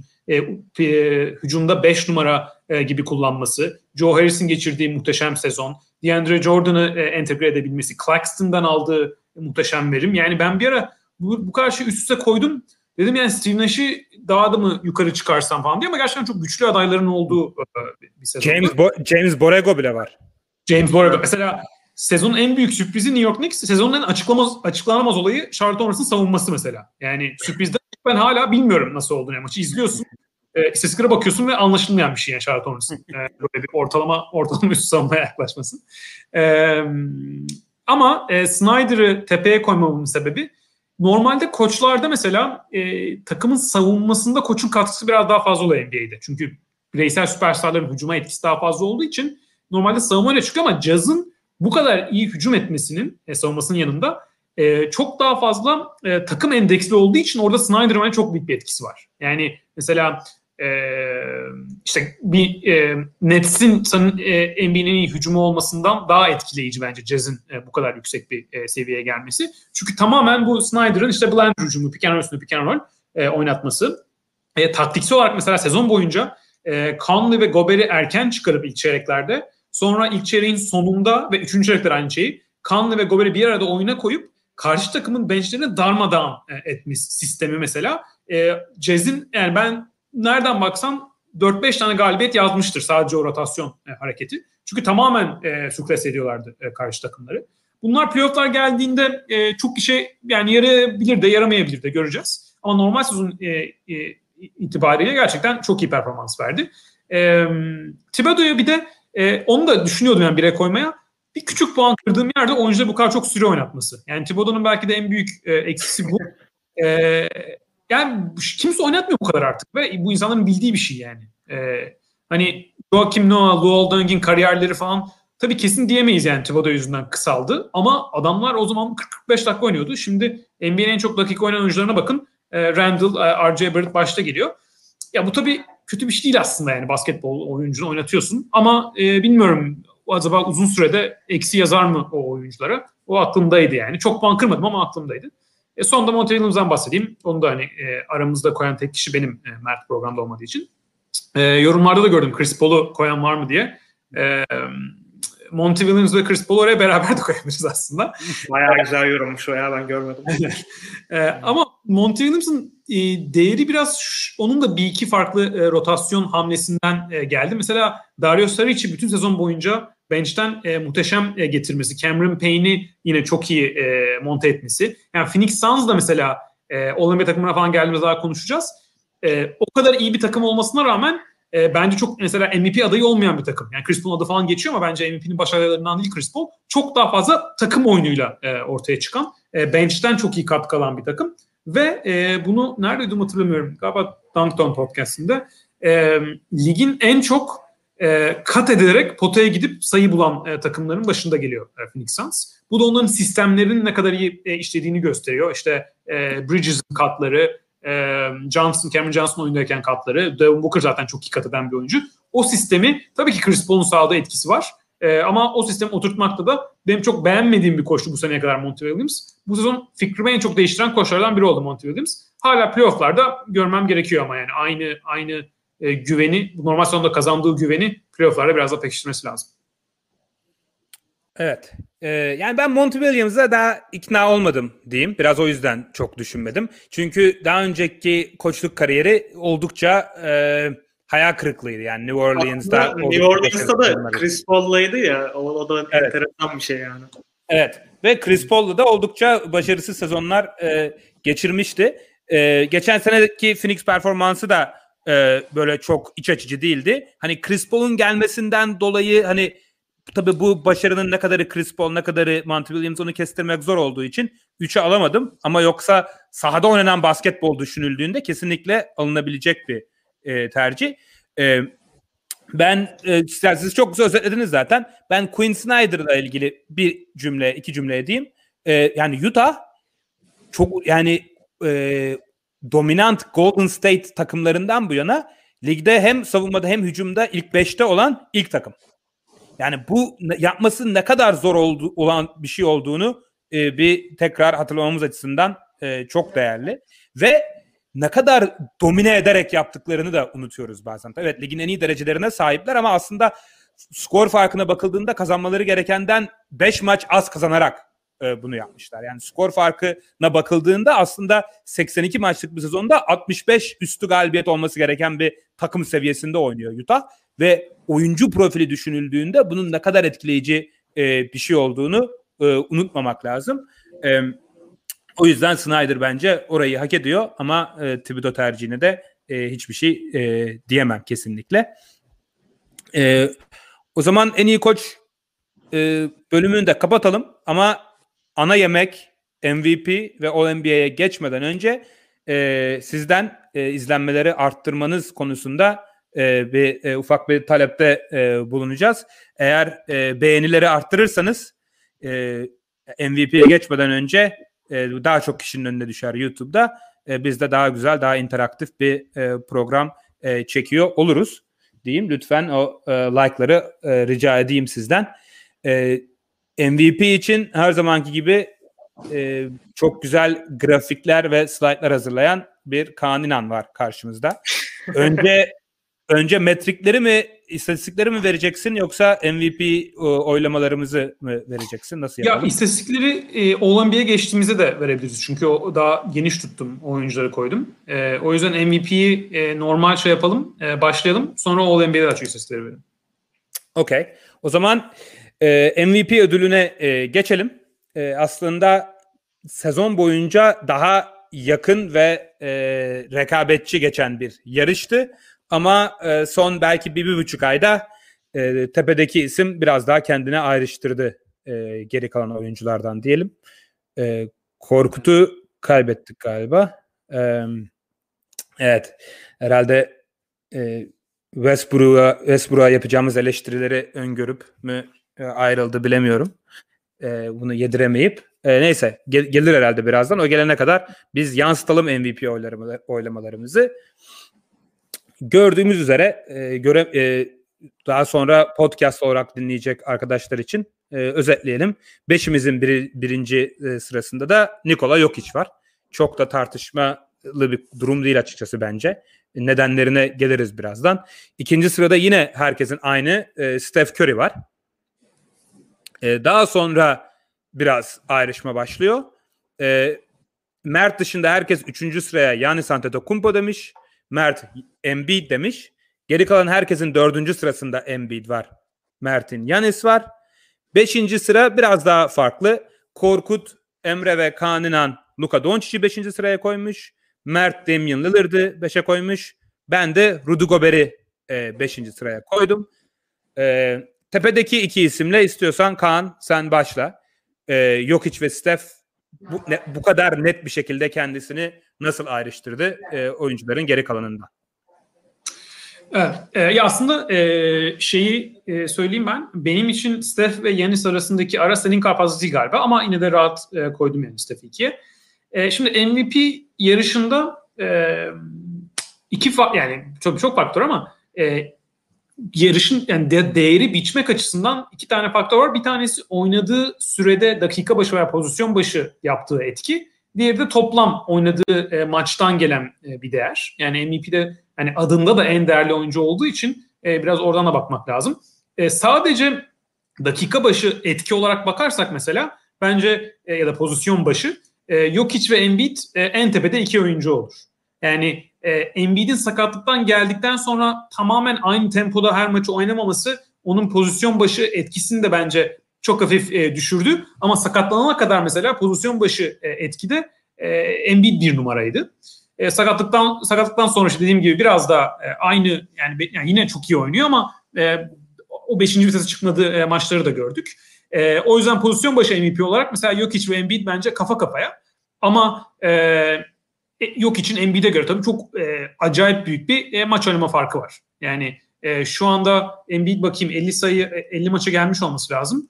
E, ama yok için e, yani 20'ye yakın e, maç farkı var.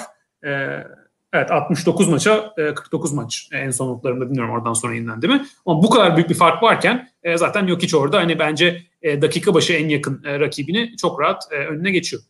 Burada Steph Curry ve e, Yanis e, nasıl e, giriyor araya? Şimdi Steph Curry'nin e, performansı e, Golden State hala 8. sırada olduğu için biraz e, olduğundan daha düşük görülüyor olabilir. Ama e, bunu All-NBA'ye geldiğimizde de e, konuşacağız. Oyuncuların performansını sezon boyunca değerlendirirken oyuncunun sahada yaparken, sahadayken takımının başarısı ve sahada değilken takım başarısı çok ayırmak lazım.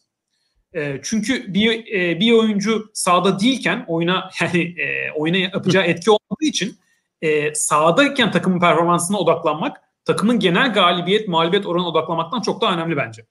E, bu noktada Steph Curry e, NBA'de takımı sahadayken ve sahada değilken e, en büyük farka sahip oyunculardan biri. Yani e, Steph Curry sahadayken e, bu takım e, 100 pozisyon başına e, 4 sayı e, fark atıyor karşı takımlara. Bu da e, tüm NBA'de oynayan kadroların en yüksek %25'inde. Yani ortalamanın gayet üstünde e, bir takım e, olarak performans veriyor Golden State Warriors.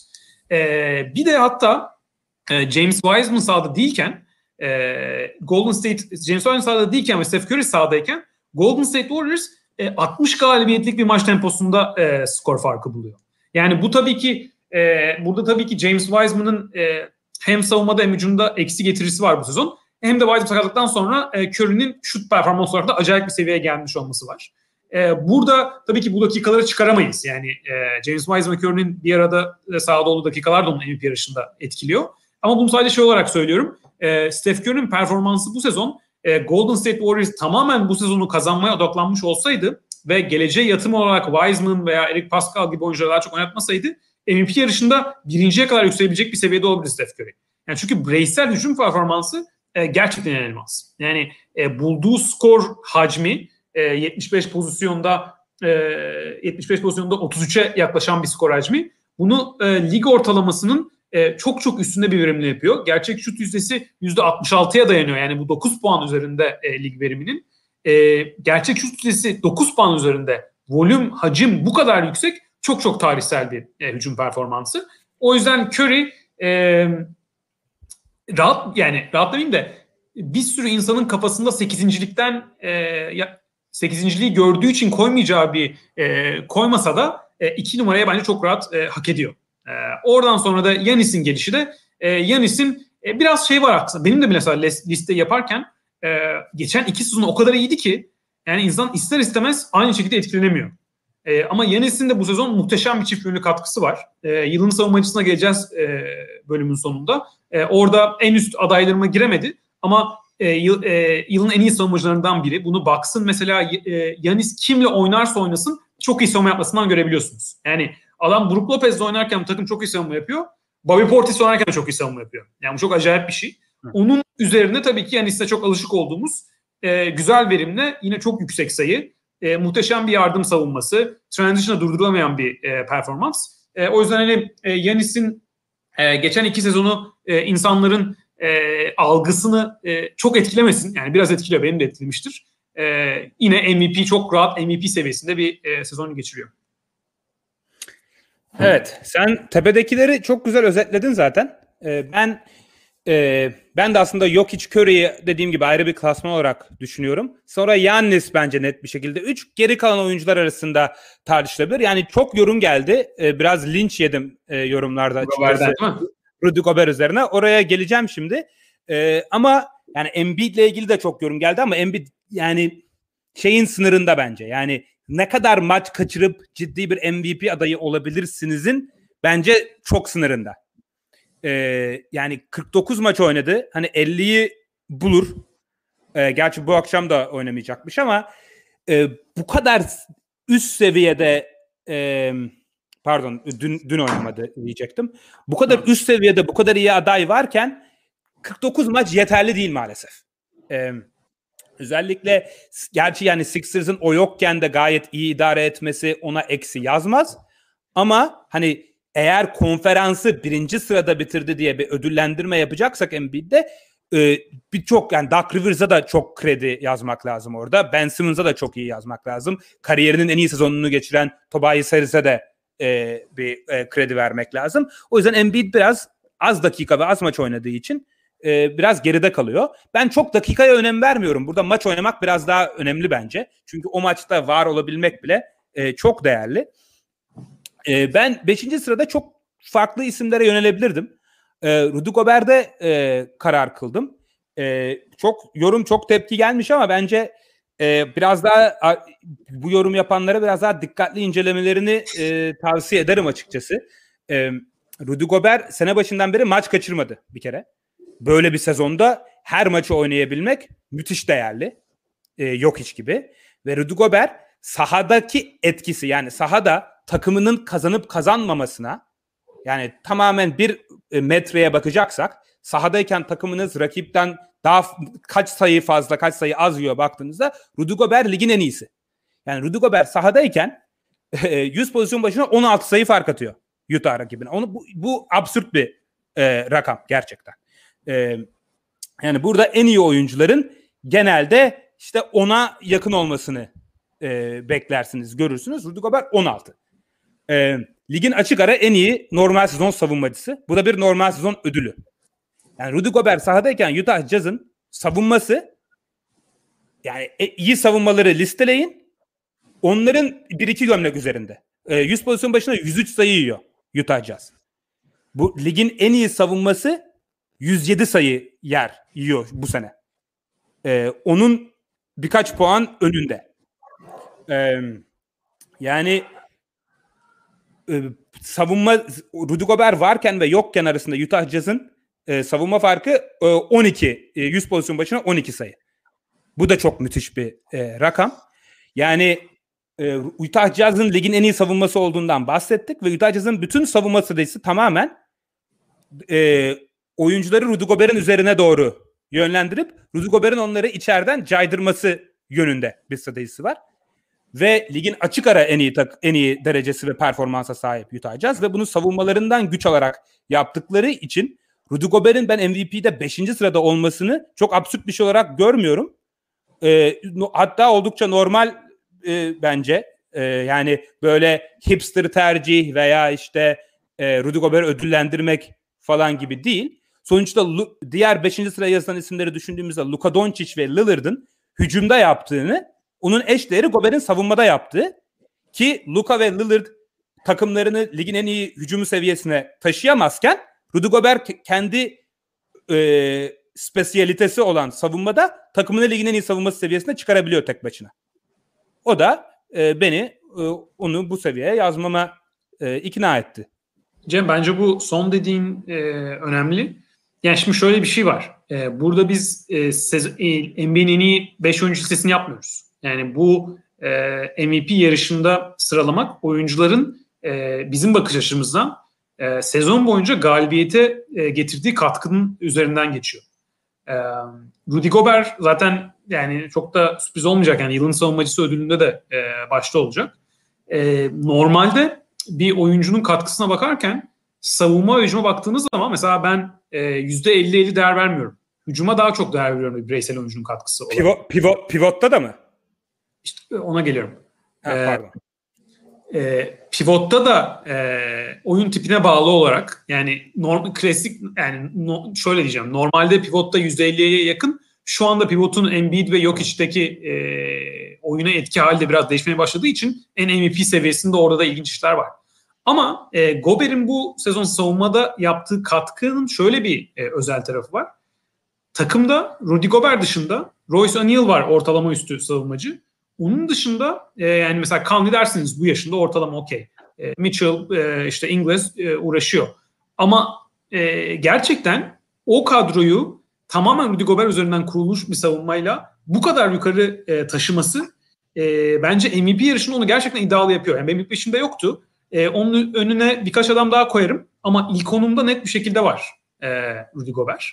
E, o da e, bu savunmada yaptığı katkının biraz e, kuralları bozan bir şekilde olmasından. Hücumda da e, sistemin çok önemli ve iyi bir parçası olmasından. Yani biraz Rudy Gobert'i şey gibi düşünebilirsiniz. Mesela e, çok iyi bir e, J.J. Redick gibi bir şütör e, hücumda yaptığı katkı. Yani çok spesifik katkıları var. Perde koyma, çembere devrilme. Ama Utah Jazz'ın e, hücum setinde bu çok önemli bir role sahip. E, bunu o hücumdaki önemli rolü, önemli ama e, bir All-Star seviyesi olmayan e, hücum rolü e, savunmadaki tarihsel bir e, yılın savunmacısı seviyesinde oynaması e, bence de en değerli oyuncu olarak baktığınız zaman e, buraya mantıklı e, geliyor. Benim ilk beşime girmiş e, girmemiş olsa da.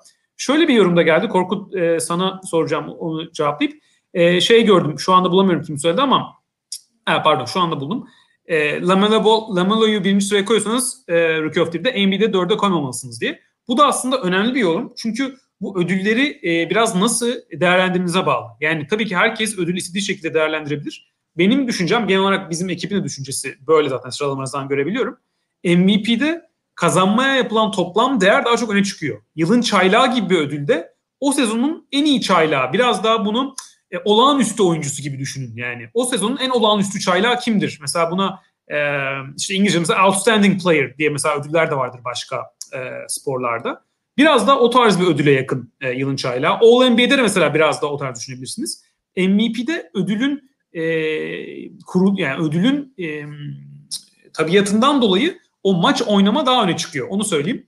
E, Korkut sen istiyorsan yani biz sen düştükten sonra baş, biraz top tarafı konuştuk yok hiç Curry Yanis'i. Oraya etki, e, ekleme yapmak istiyorsan biliyorum yok Jokic'e biraz çalışmıştın. Oralara eklemen olabilir. Onun dışında sona nasıl karar verdin sen? Onu da, onu da söylerken zaten olan bir takımına da geçebiliriz bence.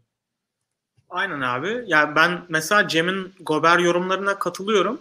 Ee, ama yani bir yani ben de senin gibi abi e, hücumun değerinin MVP yarışında daha değerli olduğunu düşünüyorum. Yani hücum yaratmanın ve Luka'nın orada çıktığı seviyenin ben belki Gober'i 6'ya bile koyabilirim yani hani öyle şey değil. Ee, yani Lillard'ın önüne koyabilirim mesela. E, çünkü ben de gerçekten değerli bir sezon geçirdiğini düşünüyorum. Ama yani Luka benim için yani net bir 5 burada. E, ben yani şeyle ilgili biraz bahsetmek istiyorum abi. Jokic ile ilgili. Çünkü bence Jokic e, yani bunu biraz Amerikan medyasından da takip ediyorum. Yani bazı e, yorumlarda böyle şey hani bazı MVP'lerin değeri daha düşük olur e, diğerlerine göre. İşte Derrick Rose örneği veriliyor. İşte Russell Westbrook örneği veriliyor. Bence yok hiç buna hiç uymuyor abi. Yani hakikaten yok için bu sezon yaptığı şey yani bir kere şey çok güzel bir istatistik var. Yok hiç tüm maçlarda oynayan tek All-Star oyuncu abi. All-Star seviyesine çıkmış. Ya bu, bu sezon All-Star seviyesi e, seçilmiş tek oyuncu tüm maçlarda oynayan. Bir kere MVP doğası gereği e, işte değerli yani takım için değerli olması değer nereden başlıyor? Sahada olmasıyla başlıyor. 69 maç, 69 maçın hepsinde yok hiç var bir kere. Şimdi ondan bir başlayalım. Ondan sonra e, saha içinde yapabildiği şeylerin böyle farklılığı abi. İşte mesela post-up'ta e, en çok post-up oynayan 3. oyuncu ve en yüksek e, şut yüzdesiyle oynayan oyuncu post-up'ta. İşte boyalı alanda topa değdiği zaman touch dediğimiz o hani değdiği zaman top ona geldiği zaman e, Yannis'ten yüksek bir e, sayı çıkartıyor pozisyon başına. Mesela biz Yannis'e hani Şak'ın yeni versiyonu, boyalı alanın kralı falan diyoruz. Bu sezon yok hiç. Boyalı alanda e, Yannis'e göre daha verimli. Yani bu bu inanılmaz bir olay abi ve yani çünkü hani ya şey yok içi düşündüğün zaman özellikle işte pas ve asist e, istatistikleri göz önüne geliyor, göz önüne geliyor. Onun yanında acayip bir post-up oyunu var. Post-up'ta işte dediğim gibi en yüksek yüzdeyle oynuyor. 1.1 sayı çıkartıyor. Double team geldiği zaman post-up'ta 1.4 sayı çıkartıyor pozisyon başına. Yani post-up'ta e, ikili sıkıştırmaya getirdiğin zaman senin için bu bir e, dezavantaj oluyor. Yani böyle acayip bir istatistik. E, onun dışında işte e, ligin en fazla pas veren oyuncusu. Onun paslarıyla Denver 22 sayı atıyor maç başına. Denver'daki diğer oyuncular. Ee, mesela işte 5200 pas vermiş. Üçüncü sırada Russell Westbrook 4000 pası var. 1200'lük bir fark var. 1200'lük diğer farkı yakalayana kadar 30. oyuncuya kadar iniyorsun abi. Hani 1 ile 3'ün arasındaki farkı adam 3 ile 30 arasında oluşturmuş. Yani top elinde hiç durmuyor. Çok hızlı karar veriyor. E, touch başına işte topa dokunma başına e, 2.2,5 saniye falan topu elinde tutuyor. Mesela işte diğer topu elinde tutan dominant oyuncular Trey Young'lar, işte Damian Lillard'lar, Harden'lar 6 saniye falan elinde tutarken topu 2,5 saniyede topu elinden çıkartıyor. E, bu takımın tüm hani e, temposunu falan da arttırıyor.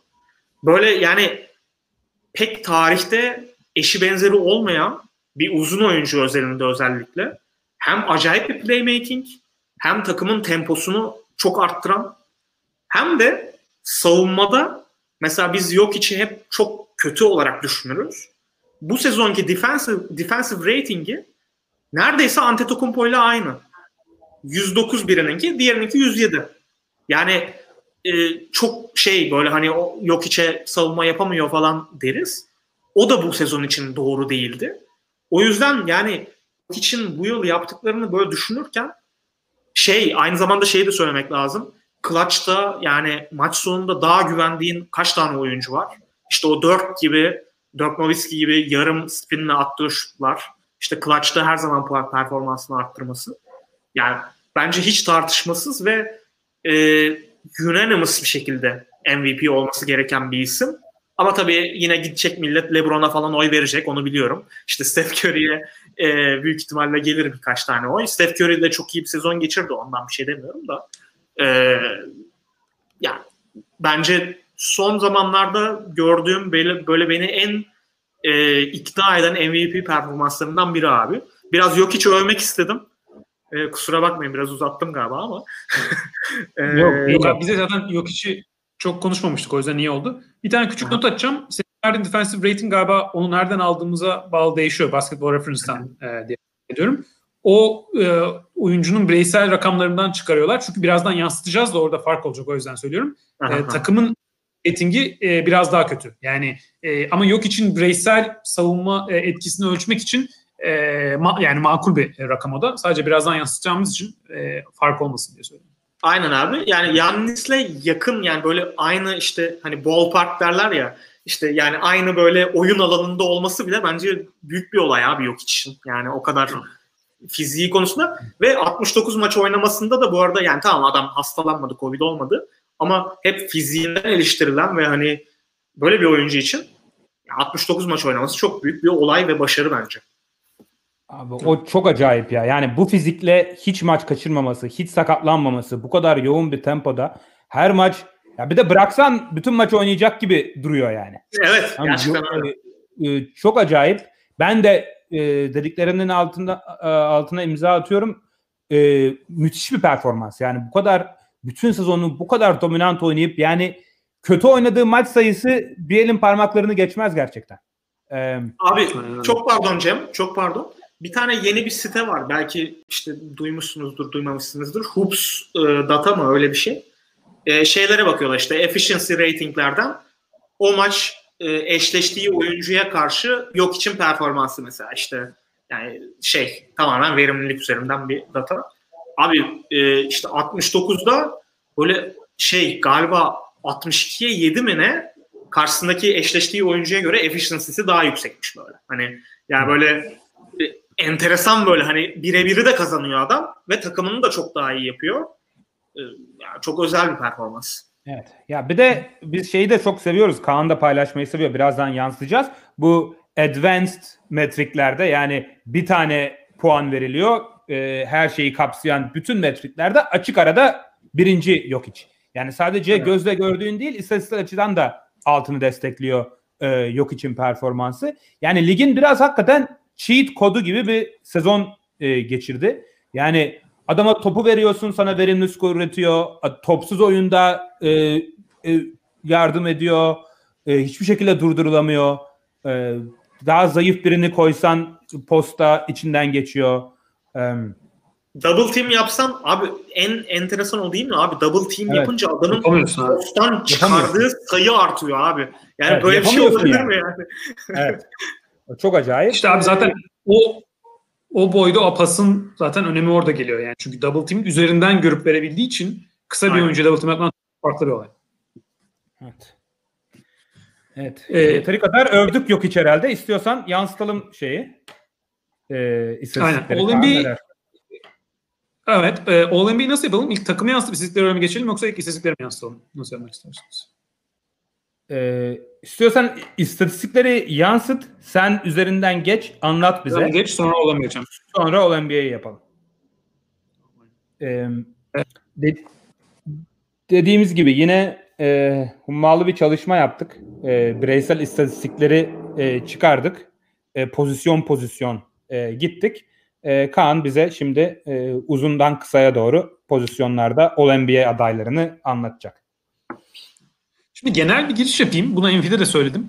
Şimdi biraz yorumlarda da görüyorum işte e, Gobert MVP olabilir çünkü takım ilk 2'de. İşte Stephen Curry 8'de MVP falan olabilir mi? E, bir takımın e, genel galibiyet mağlubiyet yüzdesine bakıp oradan e, çıkarım yapmak hem MVP hem All NBA için bence o şekilde yapılmaması lazım. Yani önce düşünülmesi gereken oyuncunun bireysel istatistikleri ya da bireysel sahada izlediğiniz performansı takımın galibiyetine nasıl etki ediyor?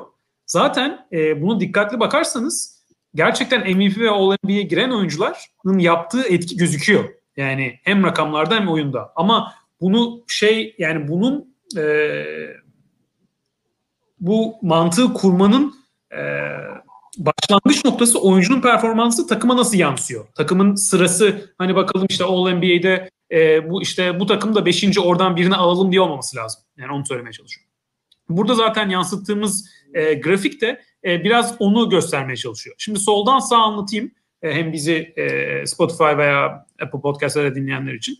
E, dört e, yani aslında üç, üç tane burada farklı e, şey var. E, üçüncü üçüncü e, farklı kesim bir ayrı ikiye ayrılıyor. Yani üç, üç, e, dört gibi düşünebiliriz. E, ilk başta bir etki ölçümleri yansıtıyoruz Cem'in söylediği. E, burada her oyuncunun e, dört tane e, 100 pozisyon başına yaptığı etkiyi ölçen e, etki ölçümünü aldık. Bu EPM, Raptor, VPM ve LeBron. E, bunlar oyuncunun dediğim gibi savunma hücumda e, kombin bir şekilde 100 pozisyonda maça yaptığı etkiyi gösteriyor. Oyuncuların zaten yukarıdan aşağı sıralamaları da genel olarak onları kullanarak yaptım. Bu oyuncuları yani birden beş öyle sıralamaz gerekmiyor. Sadece bir görsel olarak da farkları da yansıtacak şekilde öyle koydum. Buraya baktığımız zaman mesela sadece pivotlara baktığımız zaman burada All NBA'ye biz e, pivotlardan 5 tane bu seviyeye gelebilecek kadar düşündük. Jokic, Embiid, Gobert, e, Capela ve Bam Adebayo var sonra. Zaten mesela etki ölçümlerinden e, direkt görebiliyorsunuz Jokic'in ayrı bir seviyede olduğunu, Embiid ve Gobert'in ayrı bir seviyeye çıktığını, Capela ve Bam'in de arkadan geldiğini. Ondan sonra bu etki ölçümlerinin arkasında ne var bunları anlamak için bireysel rakamlarını yansıtıyoruz. Burada oyuncunun 75 pozisyon başına yaptığı e, sayı, reboundu ve en sağda bu stok dediğimiz top çalma bloğun e, kombinasyonu olan e, rakamı yansıtıyoruz. Burada 75 pozisyon başına göstermemiz oyuncular farklı tempolarda oynayabiliyor. O tempoları eşitlemek için. Hızlı bir takımda daha çok sayı atan oyuncu e, suni bir şekilde e, öne çıkmasın diye. Oyuncunun bulduğu skorun yanına gerçek şut yüzdesini de koyuyoruz. Bu da e, oyuncunun e, verimini gösteriyor bize. Bu sezon ortalama gerçek şut yüzdesi e, %57. Pivot pozisyonu zaten genelde oyuncular daha verimli oluyor e, pivotlar. Ama Jokic ve Embiid gibi klasik pivot olmayan yani bitirici mesela Gobert Capela gibi bitirici pivot değil de başlatıcı oyun kurucu e, pivotlar olduğu için kendi pozisyonu yaratan pivotlarda bu kadar verimli olmaları zaten MVP yarışında da ne kadar yukarı ittiklerini size gösteriyor. Bireysel istatistiklerde böyle. Onların yanına top kullanma yüzdesini koyuyoruz. Asist yüzdesini, top kaybı yüzdesini koyuyoruz. Bu da oyuncunun genel size hücum rolünü gösteriyor. Şimdi bunlar bireysel rakamlar. Bunların yanında da bunlar sahaya nasıl yansıyor? Bu oyuncular bu etkiyi nasıl bir takımda yapıyor?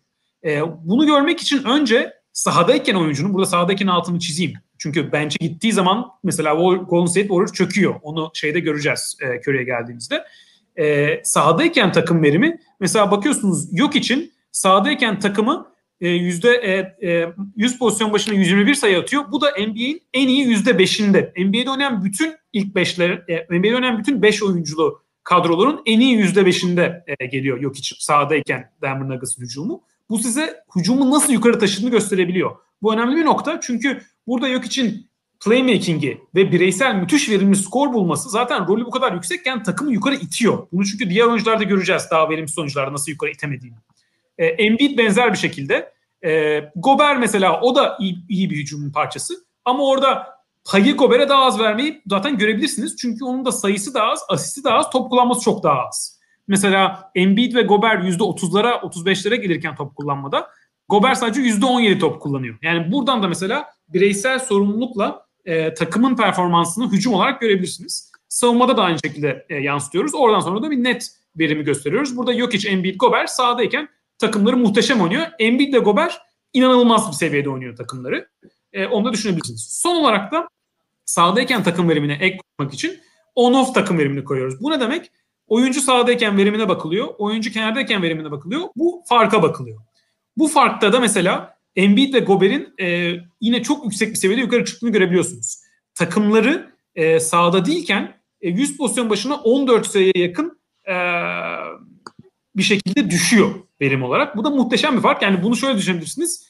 E, şu anda e, birinci NBA'in birincisi e, Utah Jazz'la e, NBA'de e, son e, 10'a e, hatta son 10'daki Sacramento mesela hatta son 5'teki Sacramento'nun farkı bu 100 pozisyon başına 15 sayı farkı. Yani öyle bir etki olarak düşünebilirsiniz. Tabii ki bunu e, böyle o, o, o değeri tamamen çekip e, cımbızlayıp alıp onun üstüne bir argüman kurmak çok sağlıklı değil. Çünkü e, bench'in ne kadar iyi olduğu önemli burada. O oyuncunun yerine kim giriyor, etki nasıl düşüyor onlar önemli. Mesela Utah Jazz'da bahsettim. Rudy Gobert ve Mike Conley karşı benchlere karşı muhteşem bir etki yansıtıyor.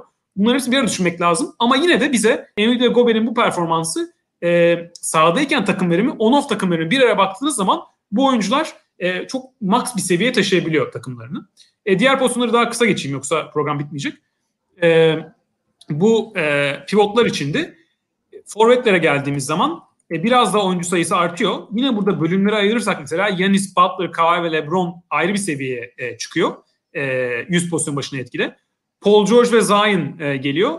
E, Jason Tatum ve e, Julius Randle onları arkadan takip ediyor. Burada e, Zion ve Randle'a çok küçük bir e, pencere açmak istiyorum. Bu oyuncuları mesela All-NBA takımları e, kurarken e, bir sürü insan Julius Randle'ı Zion Williams'ın önüne koyabilir. Bu tam dediğim işte bu takım 5. bu takım 10. 5.den adam alıyorsunuz 10'dan nasıl almazsınız e, mantığı. Ama böyle düşünmemek lazım. Neden böyle düşünmemek lazım? Şimdi takımların neden iyi olduğuna bakalım. E, sol alttaki sahadayken takım verimine bakarsa izleyicilerimiz e, Zion sahadayken e, Pelicans hücumu e, 100 pozisyon başına e, e, çok verimli bir seviyeye geliyor. Yani ligin e, top %25'ine gelen bir verimle e, ligin iyi hücumları arasında sokuyor Zion sahadayken takımını. E, çünkü takım 100 pozisyon başına 116 sayı atıyor. Bunu nasıl yapıyor Zion? Çok yüksek bir top kullanma yüzdesi var. %30 sağ yukarıda görebilir seyirciler. Çok yüksek sayı atıyor ve muhteşem verimli atıyor. Yani e, gerçek şut yüzdesi NBA'in en iyi oyuncularından biri. E, bu kadar çok top kullanıp bu kadar verimli sayı atıyorsanız takımın hücumunu yükseltiyorsunuz. Julius Randle'a bakalım. Julius Randle da Zion'dan biraz daha sayı atıyor ama verim puanı çok daha düşük e, Zion'dan. Buna ne oluyor New York hücumunda? New York Zion, e, pardon New York Julius Randle sahadayken 100 pozisyon başına sadece 112 sayı atıyor. Bu da lig ortalamasının çok az altında bir hücum. Bu ne demek? Bu New York Knicks e, hücumuyla değil savunmasıyla maç kazanan bir takım. Julius Randle da bu çok iyi savunma takımında hücumu e, hücumu ortalama bir seviye çıkaran bir oyuncu demek. Mesela benim bakış açımdan Zion'in yaptığı bu hücumu yükseltme değeri Randall'ın yaptığı iyi bir savunmanın parçası olup hücumu ortalamaya çıkarmadan daha etkileyici. Ee, bahsetmeye çalıştığımda şey de o. Takımlar nasıl kazanıyor, nasıl kaybediyor, oyuncular buna nasıl etki yapıyor? Bu mesela Zion ve Randall üzerinden görebiliriz. Yani diyebilirsiniz ki Zion da kötü bir savunmanın parçası. Orada bir rolü var. Julius Randle iyi bir savunmanın parçası. Oradan e, bir etki e, koyu Zion üzerine. Ama bence Zion'ın hücumda yarattığı fark mesela Julius Randle'ın savunmada olan üstünlüğünden daha yüksek. E, öyle bir farkla açıklayabiliriz. Son olarak ee, e, Gard- ben bir ben bir senin dediklerine bir ekleme evet, yapacağım. Çok konuştum. Yok yok. E, Zion ve Randall hakkında dediklerine ben de ona göre bir hazırlık yapmıştım. Çünkü All-NBA takımlarımızı görün, görünce Randall'ın neden olmadığı ile ilgili mutlaka yorumlar gelecektir. Senin altını çizdiğin konu e, çok önemli. Yani bir takımın neden kazandığı konusu. Yani Randall'ın hücumu sayesinde maçları kazanmıyor New York Knicks. Ee, New York Knicks'in kazanma faktörü. Az önce Sixers'dan bahsederken biraz bunun altını çizdik. Ee, bu NBA tarihinde oyuncuları değerlendirirken çok düşülen bir hata bence. Yani savunma takımlarının en iyi hücum oyuncusunu alıp bu takım bu adam yüzünden kazanıyor algısı oluşturuluyor. Mesela 2001 Sixers da bunun mesela bir örneği. Iverson o takımın en iyi hücum oyuncusu olduğu için hak ettiğinden daha fazla değer görüyordu mesela. Aynı şey e, Chicago Bulls'u Derrick Rose, Derrick Rose'lu Chicago Bulls takımları için de geçerli. Ligin en iyi savunma takımları olduğundan biri oldukları için kazanan takımlar sanki Aa, bu adam bunları hücumda sırtlıyor o yüzden kazanıyorlar algısı var. Ama Julius Randle sizi taşıdığı seviye ortalama 6 bir hücum seviyesi aslında. Yani Julius Randle'ı ne kadar beğendiğim, ne kadar e, gelişme gösterdiğinden bahsettik ödüllerde ama All NBA seviyesinde olmadığını da biraz e, yani New York Knicks'in orada olmasının sebebi Julius Randle değil. Bir sürü başka faktör var. Onu da göz ardı etmemek lazım. Kesilmiştim. Can, yani Cem kendi kendini çürütüyor galiba şu anda Kaan. en çok geçmek sonucunda evet aynen. ee, yani en çok gelişme gösteren oyuncuyla All NBA arasında çok ciddi bir fark var. Yani ben Julius Randle'ı açıkçası e, dediğim gibi beni ne kadar etkilese de çok ciddi bir aday olarak düşünmedim e, önündeki forvetleri e, düşündüğümüzde açıkçası. Evet. Ee, yani e, tabii burada Randall'ın takım arkadaşlarının da e, iyi hücum oyuncuları olmaması önemli. Ama mesela Zayn'da bir hücumunu düşünürsek ona hiç ideal olmayan parçalar var e, etrafında. Eric Bledsoe, e, Steven Adams gibi. E, onları da tabii ki değerlendirmeye alıyoruz. Ama bu oyuncuların bireysel e, katkısının takım spesifik takımın spesifik maçları nasıl kazandığına olan ilişkisini iyi kurmak lazım. E, evet. Peki da geçeyim. Bir, bir şey daha ek, ekleyeyim. Ee, eğer bizi şu an podcast olarak yani sadece audio olarak dinleyen arkadaşların e, bu grafikleri görmek için bizi Twitter'da e, takip etmesini önereceğim. Çünkü gerçekten şu an çok güzel ve başarılı, çok detaylı bir araştırma sonucu hazırlanmış slaytlar var ekranda. Bunları paylaşacağız. İstiyorsanız hani YouTube'daki bölümde paylaştık de bile hatta, e, görebilirsiniz. Ha, hatta paylaştık bile. Bura bakmanızı tavsiye ederim. Kaan çok e, güzel bir çalışma yaptı bizim için. Ona da e, sizin önünüzde teşekkür ederiz ekip olarak. çok teşekkür. Ee, en son garda geçiyoruz. Çok guard adayı var. O yüzden e, ikiye böldüm. Bu sadece üç tane gardı Steph Curry, Doncic ve e, Damian Lillard'ı e, hani biraz daha tepede zaten ayrılmış durumlar. Onların şeyi görebiliyoruz zaten. Ortak e, faktörleri nedir bunların? Sağ alt köşesinde ekranın on-off takım verimine bakın mesela. E, her oyuncu sağdayken e, takımın e, hücumunu muhteşem e, yükseltiyor. Bunun zaten e, en ligin en iyi oyuncusu bu konuda Steph Curry. E, Doncic ve Lillard da e, yine burada en başlarda. Bunun sebebiyle oyuncular sahadayken e, takımları iyi hücum takımlarına dönüşüyor. Bunu nasıl yapıyorlar?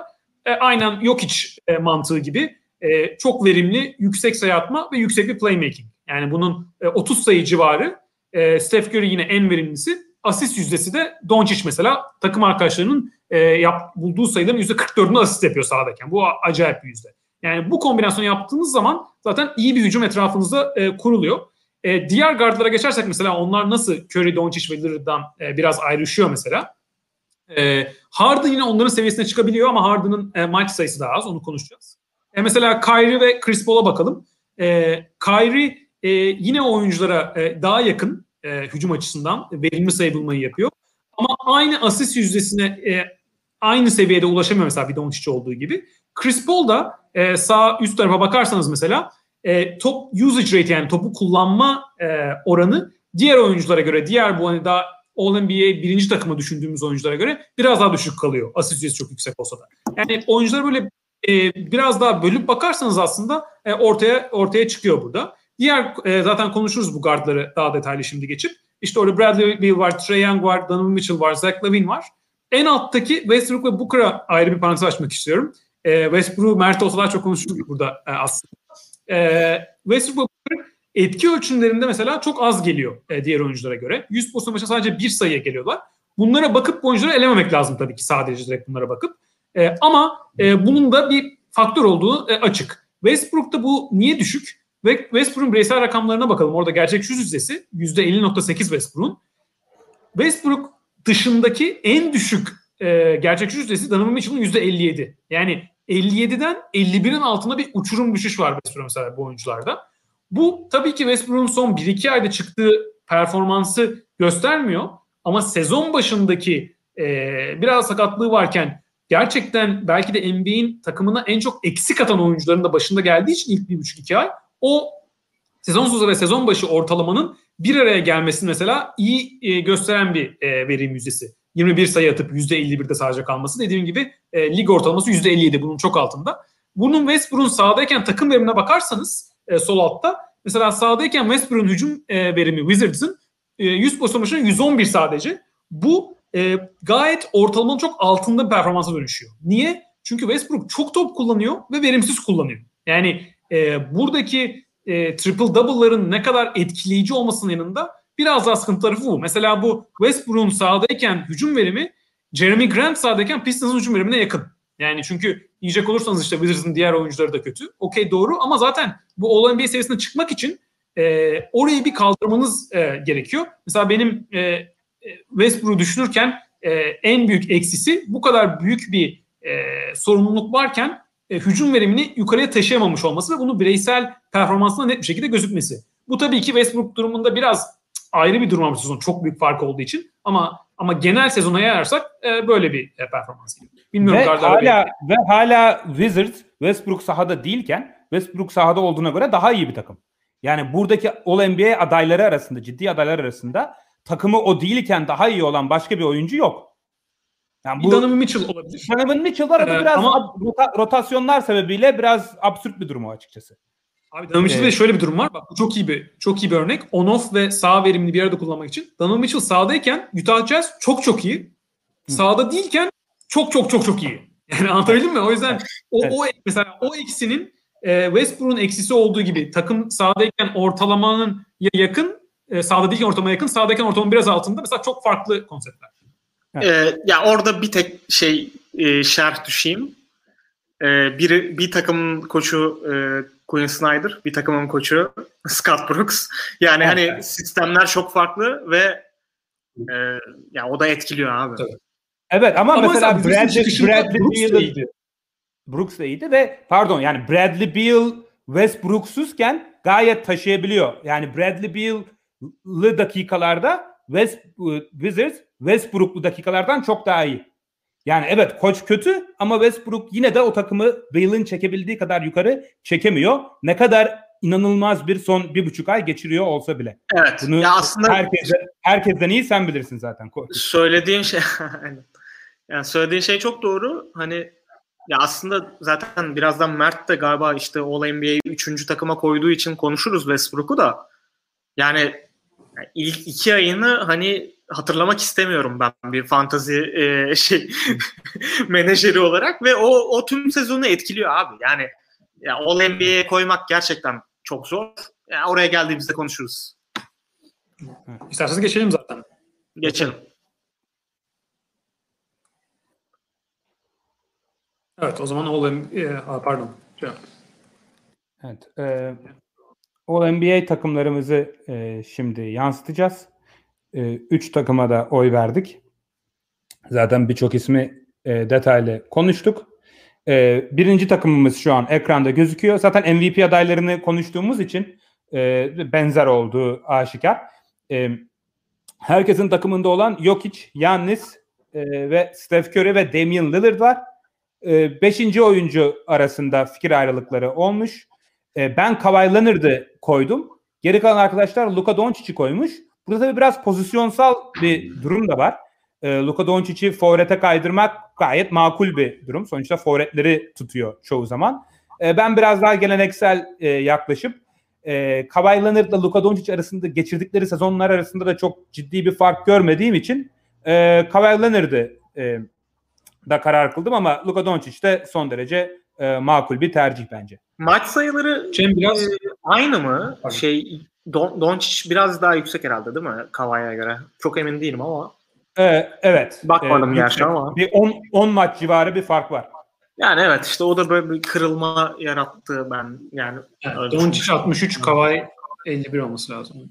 Aynen yani küçük küçük bir şey de değil o. Yani 70 e, maçlık bir şeyde %10 küsur bir olaya geliyor. O yüzden hani düşünülmesi lazım.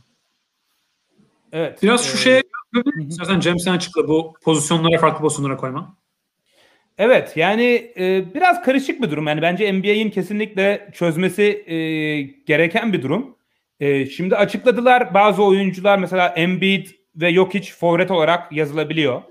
E, ama mesela onu geleceğiz mesela savunma takımında e, atıyorum Capella'yı yazamıyorsun. Yani e, mesela birçok oyuncuyu guard ve forvet olarak da yazabiliyorsun. O yüzden mesela Luke Doncic'i forvete kaydırmak e, mümkün oldu. E, ya bu biraz tercih meselesi. Ben açıkçası düşündüm Embiid'i yazsam mı e, Kava'yı kaldırıp hani ama o da bana biraz fazla e, hile demeyeyim de yani hile abi. Bu, yani. yani hile evet. Yani tarihsel bir perspektiften bakınca sonuçta daha önceki sezonlarda yapamadığın bir şeyi şimdi e, kriterleri oynatıp ona yol açmak bana doğru gelmedi. Çünkü normal sezon yani ya tamamen kaldırırsın kısa ve uzun yaparsın ya da hiç pozisyonsuz yaparsın o zaman olur. Ama pivot forvet ve guard diye pozisyonları ayırıp sonra daha ama Embiid'i forvet yazabilirsin demek bana çok doğru gelmedi açıkçası. Ya şey çok mantıklı değil mi buna buna göre? Yani All-Star oylamasındaki işte front court, back court yani ona dönseler çok daha rahatlayacak herkes belki. Evet bence de. Evet bence de zaten gidişat o yolda. Ama şu anda öyle bir şey yokken hani ben de katılıyorum. Yani Doncic veya LeBron'u guard ve forvette kaydırmaya veya Paul George'u o ikisinden birine koymakla Embiid'i forvete çekmek çok farklı konular. E ben de düşündüm hatta bir bir iterasyonda e, Embiid'i dörde koymuştum. İlk beşe yerleştirmiştim çünkü hak ediyor. Ama e, şu anki formatta bir pivot forvet guard ayrımı olduğu için hiç forvet oynamayan bir oyuncuyu oraya koymak istemedim. Evet. Ee, bunların üzerinde çok durmamıza gerek var mı? Geçelim mi? Çünkü daha savunmaları da geçeceğiz istiyorsanız. Geçelim bence. Ee, geçelim. Ee, All NBA ikinci takımında da e, herkesin takım, e, pivotu Embiid. E, yine benim dışında herkese Kawhi Leonard var. Ben bire koymuştum hatırlarsınız. E, Paul George 5 takımın dördünde yer alıyor. E, LeBron mesela takımları ben tek tek söyleyeyim en iyisi öyle olacak. E, Korkut, Embiid, Kawhi, Paul George, Butler, Chris Paul demiş. Ben Embiid, Butler, Paul George, Luka, Chris Paul demişim. Emre e, Embiid, Kawhi, LeBron, Paul George, Chris Paul demiş. Kaan Embiid, Kawhi, LeBron, Butler, Chris Paul demiş. Mert de Embiid, Kawhi, Paul George, Kyrie Irving'i koymuş farklı olarak ve Chris Paul var. E, Chris Paul ve Embiid ve Kawhi'nin da hemfikir olduğumuz, Paul George'da da hemfikir olduğumuz genel olarak bir e, sıralama var. Burada üzerinde durmak istediğiniz e, bir iki isim var mı? Kaan istiyorsan e, e, sen bir bahset. Ya burada belki e, en sürpriz isim e, Chris Paul olabilir. Yani sezon başını düşündüğümüzde artık bu yaşına geldiği zaman bu seviyelere çıkabilir miydi? E, Chris Paul e, aslında çift yönlü etkide bu sezonun e, belki de e, en iyi gardları arasında yani rahat bir şekilde. Çünkü e, Phoenix Suns'ın hem e, savunmasını hem bireysel katkı olarak hem de takım savunmasını da e, yukarı çeken bir oyuncu. Hücumda da e, az önce rakamlarda bahsederken e, değindim. Yani top kullanma oranı o elit Lillard, Curry, Doncic gibi e, dış oyuncular kadar kullanmasa da e, takımı o Chris Paul'un pick and roll'ü üzerinden e, asist e, yönetimi e, yine çok yüksek bir seviyede. O yüzden e, bence e, Phoenix Suns'ın e, bu sezon bu kademeye gelmesinde Devin Booker'ın çok büyük payı var. E, dediğim gibi Phoenix Suns çok takım oynuyor, oynayan bir takım. Ama baş e, figürü bence e, Chris Paul. O yüzden ikinci takıma koymayı e, düşündüm. Bir de e, şeyi söyleyeyim. E, Jimmy Butler benim yani ilk takımı düş, ilk takımı koyarken bile düşündüğüm bir isimdi. Bence Jimmy Butler yani muhteşem bir e, sezon geçiriyor. E, en iyi dış savunmacılarından bu sezon e, ligin.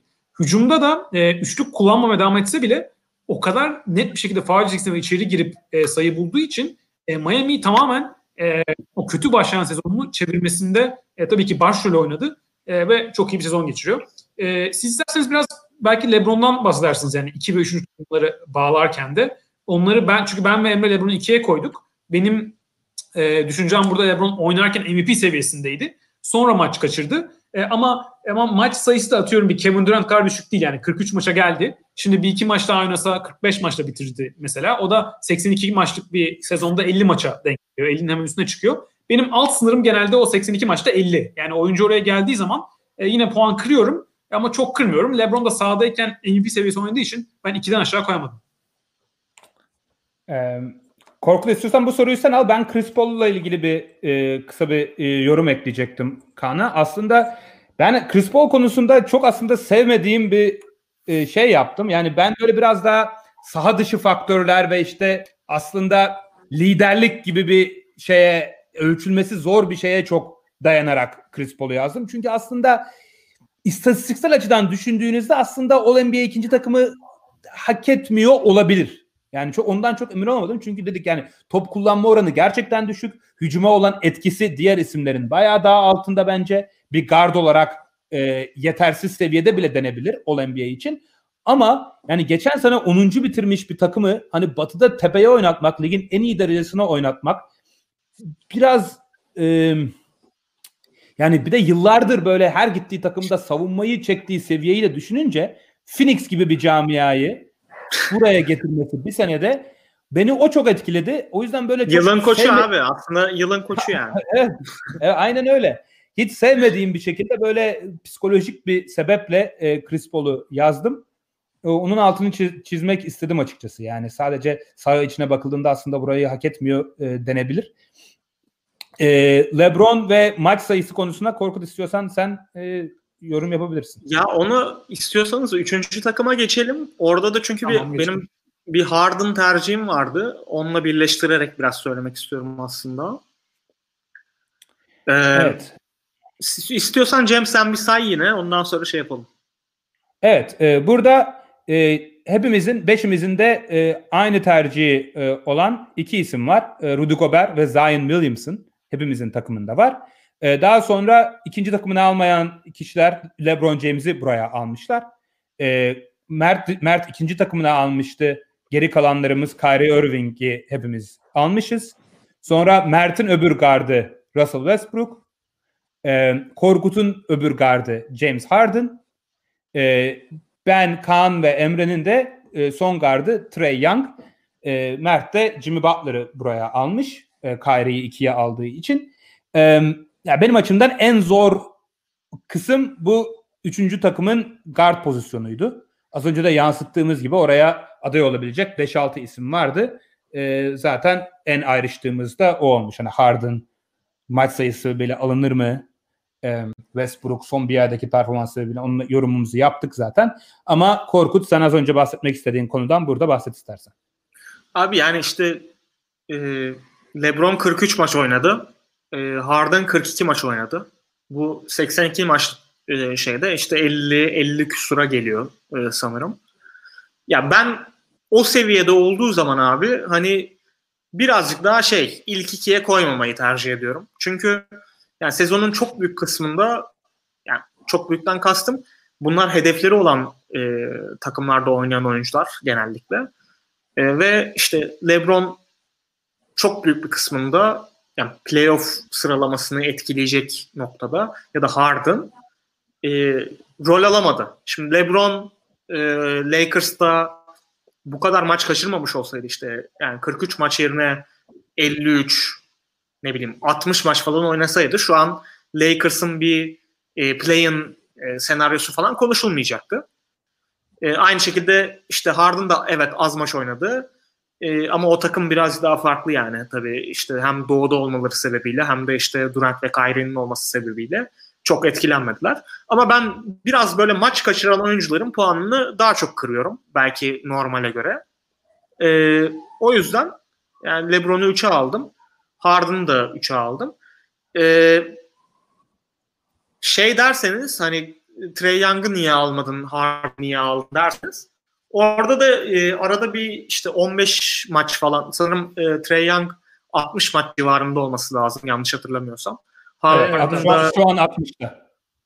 Aynen. Harden'da işte 43 mü 42 mi öyle bir şey olması lazım. E, iki maçta abi. oynayacak. Hani iki maçta da oynayacağı söyleniyor. Ya ben Harden'ın e, biraz önce Kaan da öyle bir noktaya değindi. Hani LeBron oynadığı dönemde MVP tartışmasına girmişti ve e, yani takımını hani e, tepeye taşıyabileceği bir noktaya gelmişti.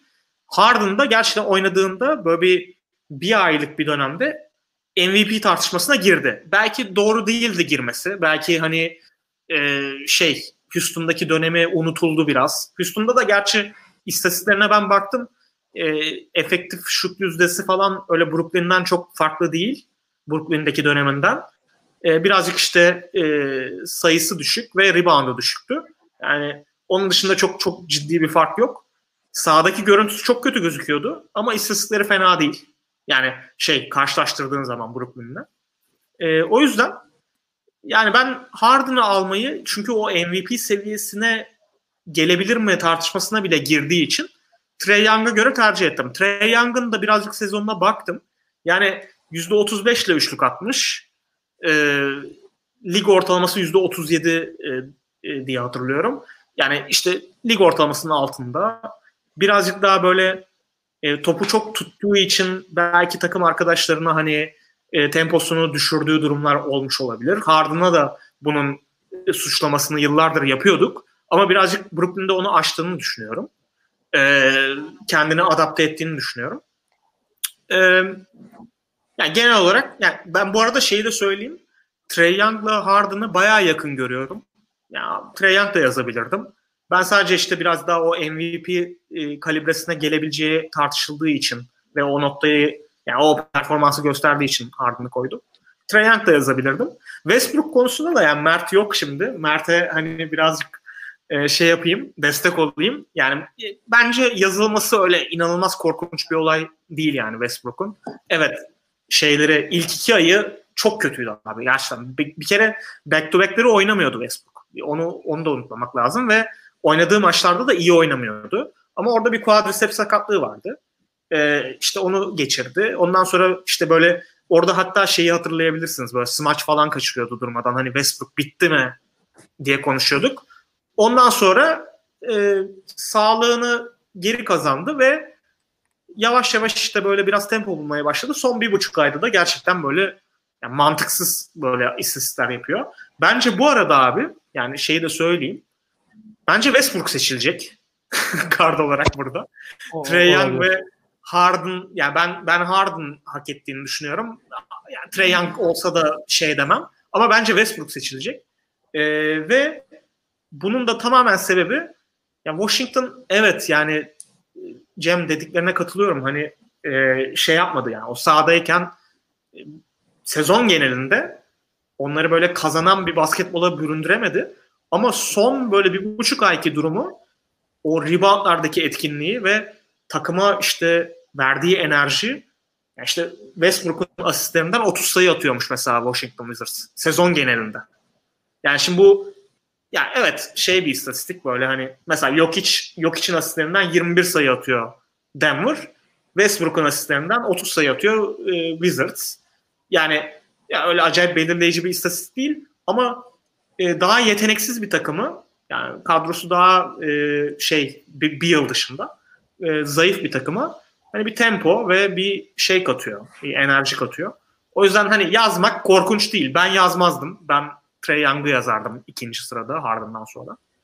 Ee, öyle. Mert'i de birazcık savunmuş olayım dedim. Yokken hazır. Ben ee, açıkçası Westbrook'un 8-9 tane oyuncu verdim yani All NBA'ye. Ben de aynı şey diyecektim. D'Anthony Melton.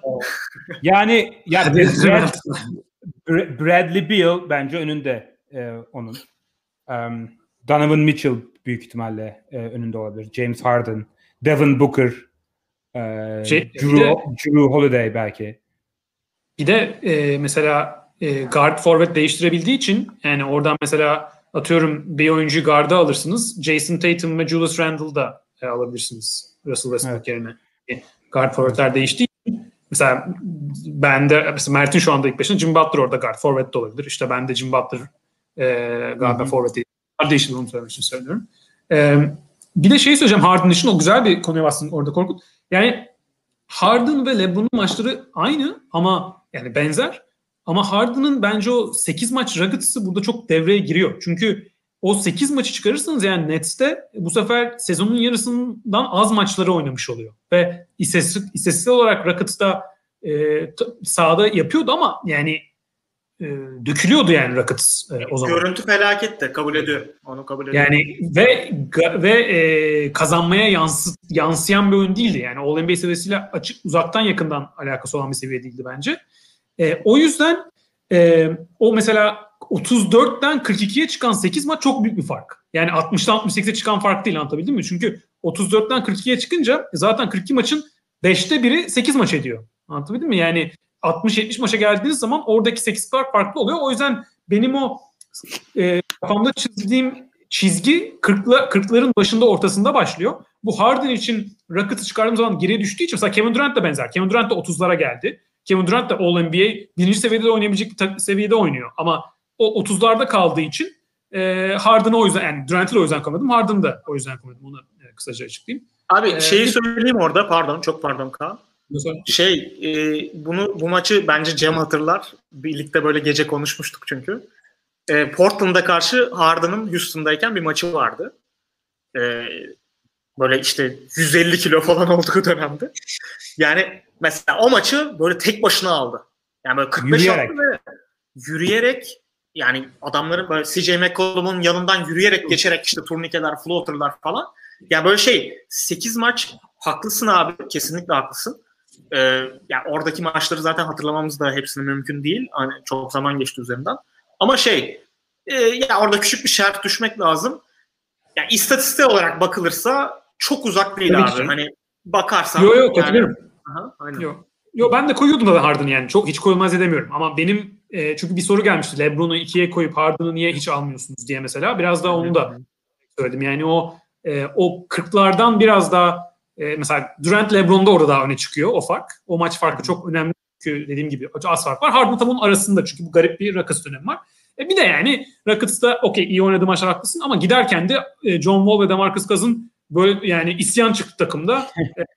ya abi tabii canım abi Harden'ın kötü özelliklerini bana anlatma abi zaten ben. Hayır şey için diyorum yani e, diğer 43 42 maç oynayan oyunculardan biraz farklı bir konuda onu söylüyorum maç olarak. Kesin yani. öyle kesin öyle haklısın. Evet. Ben de aslında bir... söyle. Pardon. Pardon. Çok... Pardon. Ben, ben, ben de böldüm. Ee, ben aslında ilk Harden almıştım Kyrie yerine. Çünkü ben aslında yaptım. Kyrie'yi koydum. Sonra dedim ki ya adam takımın en iyi üçüncü oyuncusu. Harden ve Durant'ı almıyoruz. Kyrie'yi All NBA oluruz. Ne kadar saçma diye e, düşün, e, düşünüp almamıştım. Ama sonra senin de bahsettiğin Harden'ın e, yani çok yani benim düşündüğümün yani o eşiğin altında All NBA eşiğinin Harden. O yüzden ben yine Kyrie'ye e, koydum. O dediğin Houston'daki 8 maçlık döneminin de e, etkisi var. Evet sen bir bence Trey Young e, konuşarak bitir. Çünkü biz genelde Pick and Pod ekibi olarak çok Trey, Trey Young sevgimiz yüzünden biraz fazla tepki görüyoruz galiba. Biz de genelde pek a, a, aynı fikirde değil insanlar. Sen nedenini bir anlat istersen kısaca. Ya şöyle başlayayım. Mesela bence Trae Young bu sezon playofflarda zorlanması bayağı yüksek ihtimal olabilir. Yani playofflarda gerçekten zorlanan ve eşleşmeye bağlı olarak bazı eşleşmeler çok önemli. Bazı playofflarda eşleşmeye bağlı kötü oynayabilir. Ama normal sezonda Trae Young'ın yaptığı şu çok basit yani aslında rakamlara çok bakmaya gerek yok. Çok iyi bir hücumun çok büyük bir parçası. Yani bir guard olarak zaten yapabileceğiniz şey bu. Yani e, Trae Young'ın Atlanta Hawks hücumundaki rolünü düşünün. Tamamen Trae Young pick üzerinden e, dönen bir hücum onun pas dağıtıcılığı, onun skora gidişi. Tabii ki yani mesela sezon ikinci bölümünde Bogdanovic eklendi, Gallinari daha forma girdi. Ama bu yani Portland'da da e, CJ McCollum var. Yani e, o yüzden öyle bir oyuncu zaten olmak zorunda. Ama takımın başlangıcı ve bitiricisi ana sorumluluk sahibi Trae Young ve Trae Young sahadayken Atlanta Hawks bütün NBA'deki kadrolarda en iyi %10'da hücum ediyor. Yani zaten bu ikisini bir araya getirdiğiniz zaman bir guard'ın hücumda yapabileceği en büyük etki gelmiş oluyor bence. E, bu Atlanta Hawks'ta bu sezon e, galibiyete de e, dönmeye başlamış bir şekilde. O yüzden ben hani e, yani Korkut sen koymediğini demiyorum burada zaten. Hani Trae koyarsın koymazsın başka bir konu. Ama artık Trae Young normal sonunda ne yapabilir daha insanların hani All NBA seviyesine düşünmesi için? Yani çünkü bir sürü dinlediğim ve izlediğim yani Twitter falan geçiyorum bir sürü dinlediğim prof, e, daha profesyonel podcastlerde bir sürü insan konuşuluyor. E, Trae Young'a şey deniyor işte e, çok dış bir aday ya da bazıları koyar ama bizim hiç alakamız yok. Yani böyle çok çok yorum duydum. Ee, biraz e, çok faal almasının, oyun tipinin böyle göze hoş gelmemesinin biraz fazla eksi yazdığını düşünüyorum. Bu playoff'lar dediğim gibi etkili olmayabilir. Ama Trae Young faal alıp o faali attığı zaman bir sayı yazılıyor. Yani hani 0.75 yazılmıyor. Joel Embiid de aynı şekilde daha da fazla faal alıyor. Belki Joel Embiid daha gerçek faal alıyor. Yani içeri girip vurup kırıp alıyor. Ama e, bu sonuçta bir verimli skor bulma opsiyonu. Bunu çok iyi yapıyor. Bir de son şunu ekleyeyim.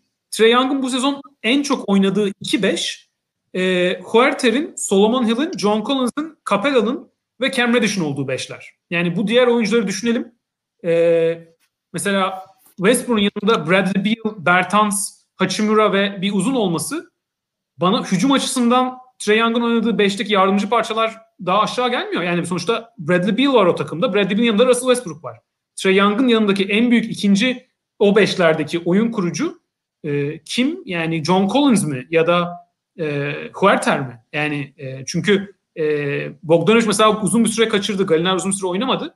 Yani bu kadar net bir hücumun, bu kadar iyi bir hücum, bu kadar net bir lideri bana e, ben ikinci takıma da düşündüm yani Chris, e, Trey Young öyle söyleyeyim. Evet.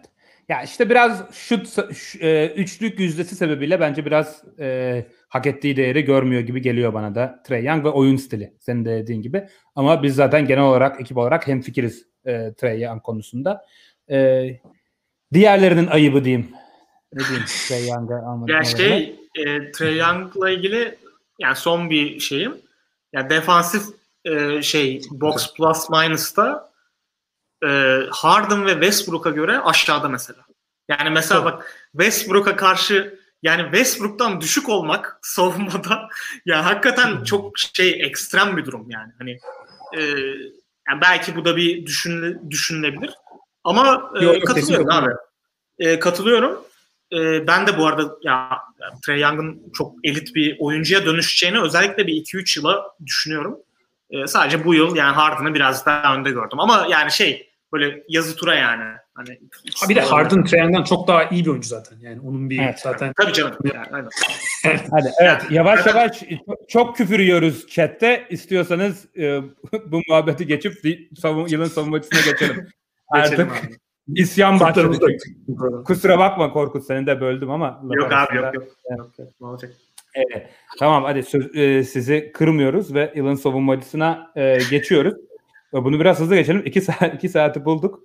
Yılın savunmacısını yansıtalım. Büyük ihtimalle bunda da e, tepki çekeriz diye e, düşünüyorum. O yüzden tahmin ettiğim kadar hızlı da geçemeyebiliriz açıkçası. E, hepimizin birinci sıra adayı bence de açık ara olması gereken isim e, Rudy Gobert. Hepimiz Rudy Gobert demişiz. İkinci ve üçüncü sıralar e, ayrışıyor. E, Korkut, e, Embiid ve Simmons demiş.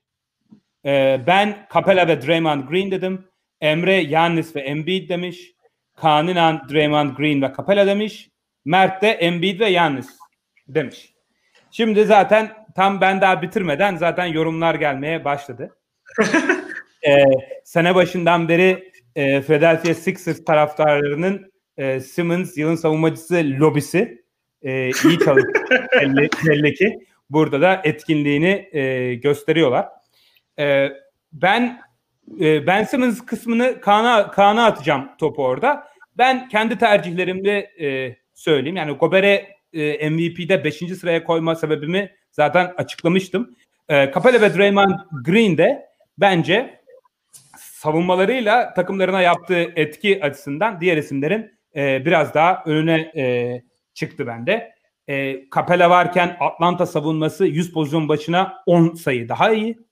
E, he- hem switch edebiliyor kısalara hem çember savunabiliyor ve oldukça e, sınırlı bir Atlanta Hawks savunmasını o sahadayken bayağı iyi bir seviyeye e, getiriyor. Yani o sahadayken e, savunma reytingleri 109 bayağı iyi. E, Atlanta Hawks gibi bir takım için. O yüzden Capella'yı net bir şekilde ikiye koydum. Tamamen Atlanta Hawks'ın çehresini değiştirdiğini düşünüyorum tek başına savunmada. E, Draymond Green de özellikle son bir, bir buçuk aydır inanılmaz vites arttırdı. E, tekrar fiziksel formunun zirvesinde. O da 5 pozisyonu savunabiliyor. Çember koruyor. O da James Wiseman sakatlandığından beri daha fazla 5 numara oynadığı için çok fa- fark yaratmaya başladı gerçekten. Ve o da sahadayken Golden State Warriors savunması e, ligin en iyi 10 savunması seviyesinde oynuyor.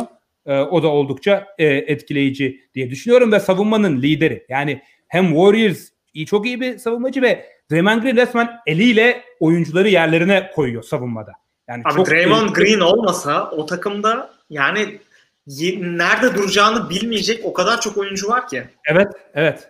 Yani sırf Draymond Green sayesinde basit sayı yemiyorlar. Yani hiçbir şekilde o kat, işte backdoor katları e, kaçırmıyorlar. E, bu şey e, rahat sayı imkanı vermiyorlar. Çünkü Draymond Green yani o kadar akıllı ve iyi bir savunmacı ki e, Golden State savunmasını e, bence tek başına e, ligin iyi savunmalarından biri seviyesine e, çıkarıyor. E, o yüzden ben aldım. E, Kaan senle başlayalım. Yani Korkut çünkü Ben Simmons'ı almış. O da onu da konuşuruz ama sen niye e, Sixers'dan e, Embiid'i veya Simmons'ı düşünmedin? Onu istersen e, anlat. Ee, ya benim kafamda yılın savunmacısını kurarken Gobert ayrı bir e, seviyedeydi tek başına. Ondan sonra mesela e, Draymond Green, Capella, e, Yanis, e, Embiid, e, Simmons'ı da o grubun sonuna koyarım. Yani o grubu da sonra gördüm. O yüzden o isimler arasından daha yukarı e, 2-3'e e, çıkarmak düşünürse insanlar ona bir itirazım olmaz yani. Yani mesela Korkut'un veya senin listene baktığım zaman veya kimse burada herkesin listesine baktığım bir şey bir çok bir şeyim argümanım yok.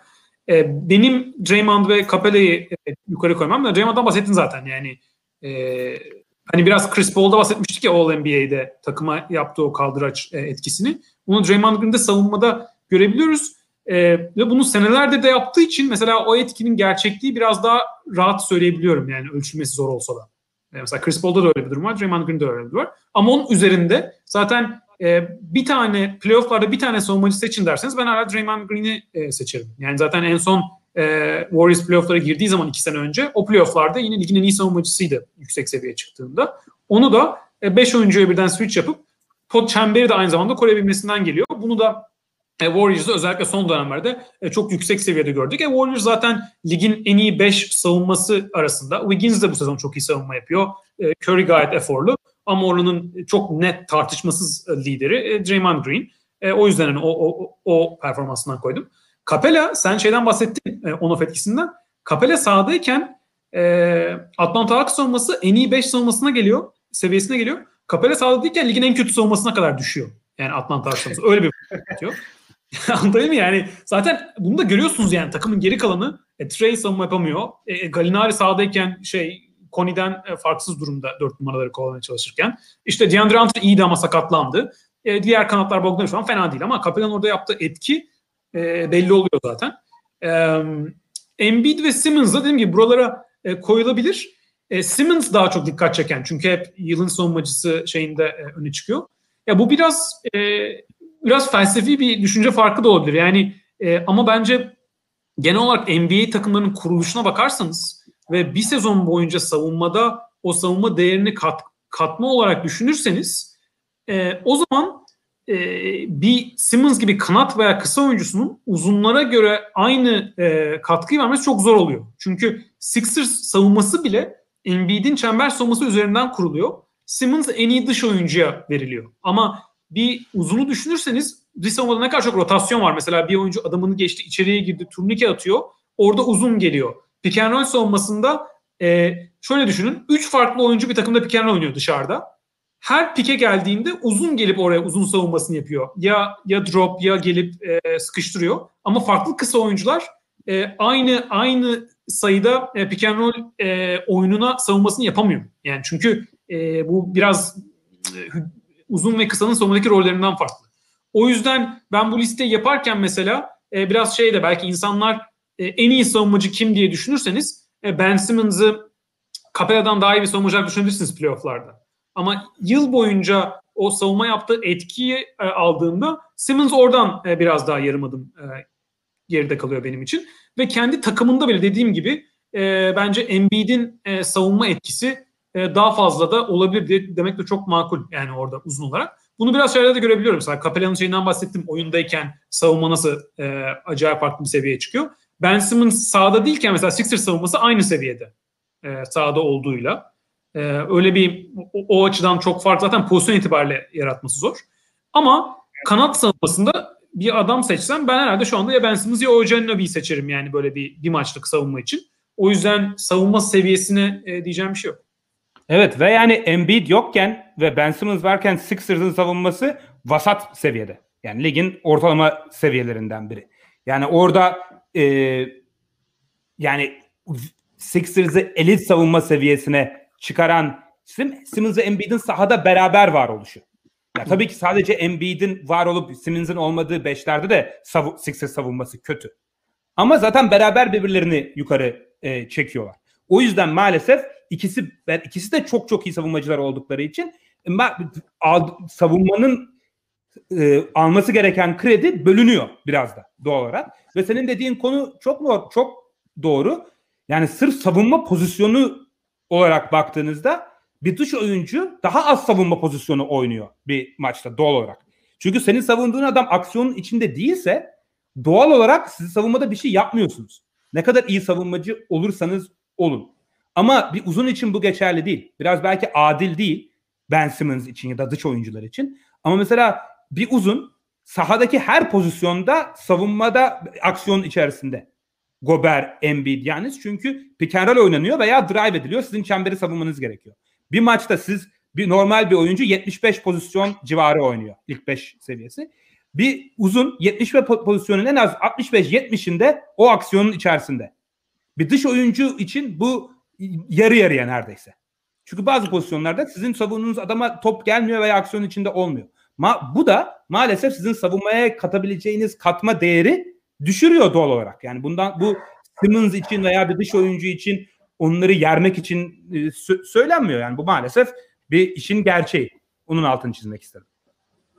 Abi Takımları... yorumlar aşırı doğru. Aynen. Geçelim abi. Ben Ben Simmons'la ilgili şey ha, dediğiniz, pardon, dediğiniz istatistiklerin abi hepsi doğru. Ben bayağı bir aradım bu arada. Yani Ben Simmons'ı savunacak istatistik aradım. Bulamıyorsun abi. Hakikaten yok yani. E, ve haklısınız dediğiniz her şeyde.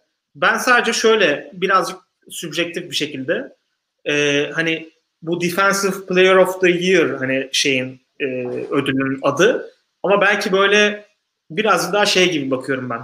En değerli defansif oyuncu falan gibi bakıyorum. Ben Ben Simmons'a sahip olmayı hani çok yukarıda görüyorum abi. Çünkü ya bir mesela işte bir playoff serisinde en güveneceğim savunmacı olur. Hani mesela Gober'e bile mesela Gober'i işte e, şeyler e, hız, dışarıdaki hızlı driblingi çok iyi olan kısalar Lillard'lar, Steph Curry'ler e, ne hale düşürebildiğini biliyoruz. Ama Steph e, şey Ben Simmons'ın her pozisyonu savunabilmesi ve yani böyle şey e, nasıl söyleyeyim farklı rollere bürünebilmesi benim için daha çekici geliyor. İstatistik olarak dediğim gibi e, şeyi yok, bir altyapısı yok kesinlikle. Bayağı aradım dediğim gibi çıkmıyor abi. Hakikaten yok yani.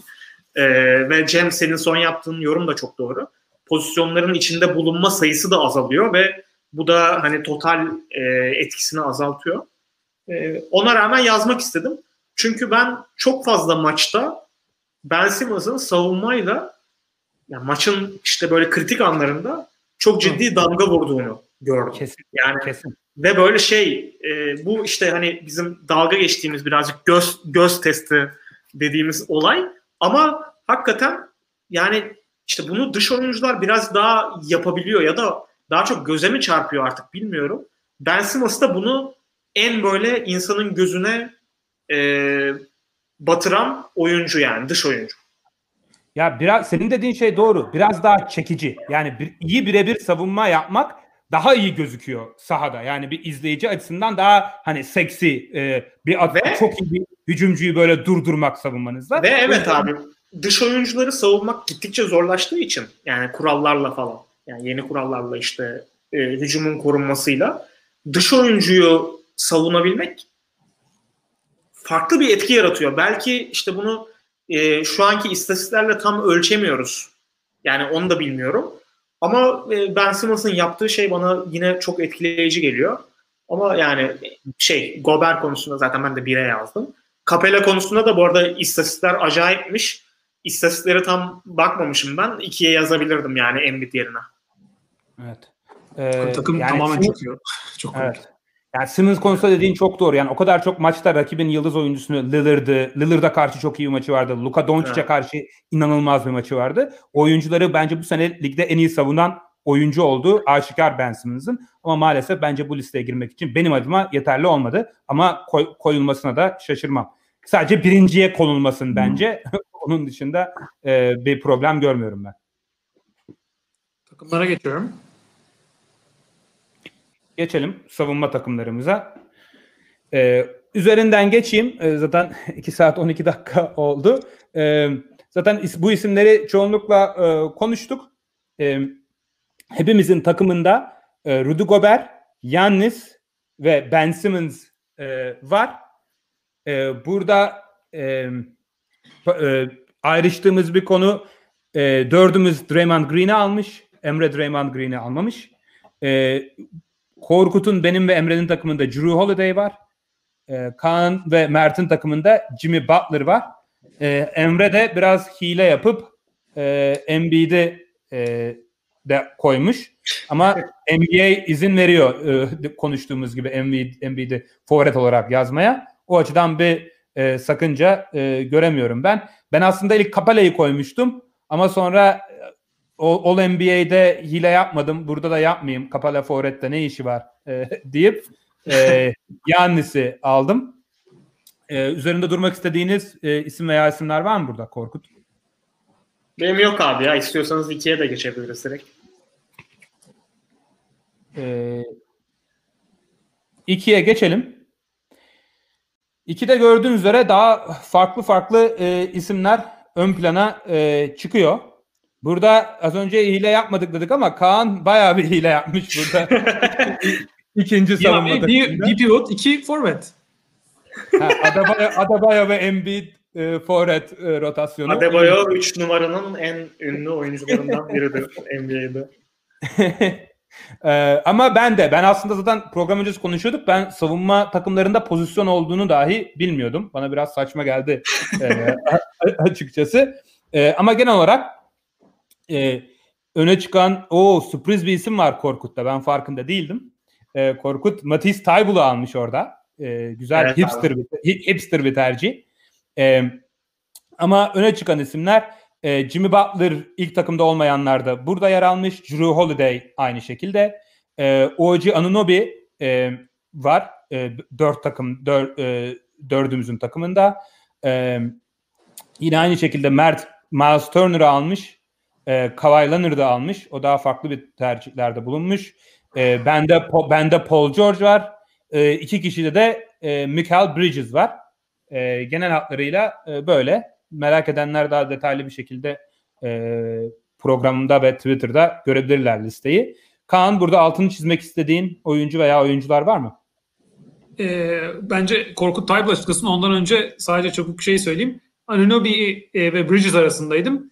Beni etkileyen e, Anunobi'yi koymak için oraya e, sezonun ciddi bir kısmında 5 numara pozisyon savunucusu da birinci savunucusu Anunobi'ydi e, büyük kesitlerde maçta. Yani 5 numaraya switch yapmıyordu. Bayağı Siakam'ın yanında 5 numarayı savunan e, Oji Anunobi oluyordu. Zaten NBA'de e, bunun istatistiği tutuluyor. Karşı takımda en fazla farklı pozisyondan oyuncu tutma e, istatistiğinde lider e, Oji Anunobi. Ya da en son lider bilmiyorum belki 2-3'ü düşmüştür ama en tepelerinde. Ve birebir de muhteşem bir savunmacı. Sağdayken Raptors gayet iyi e, savunma yapıyor. Bunu o yüzden koydum.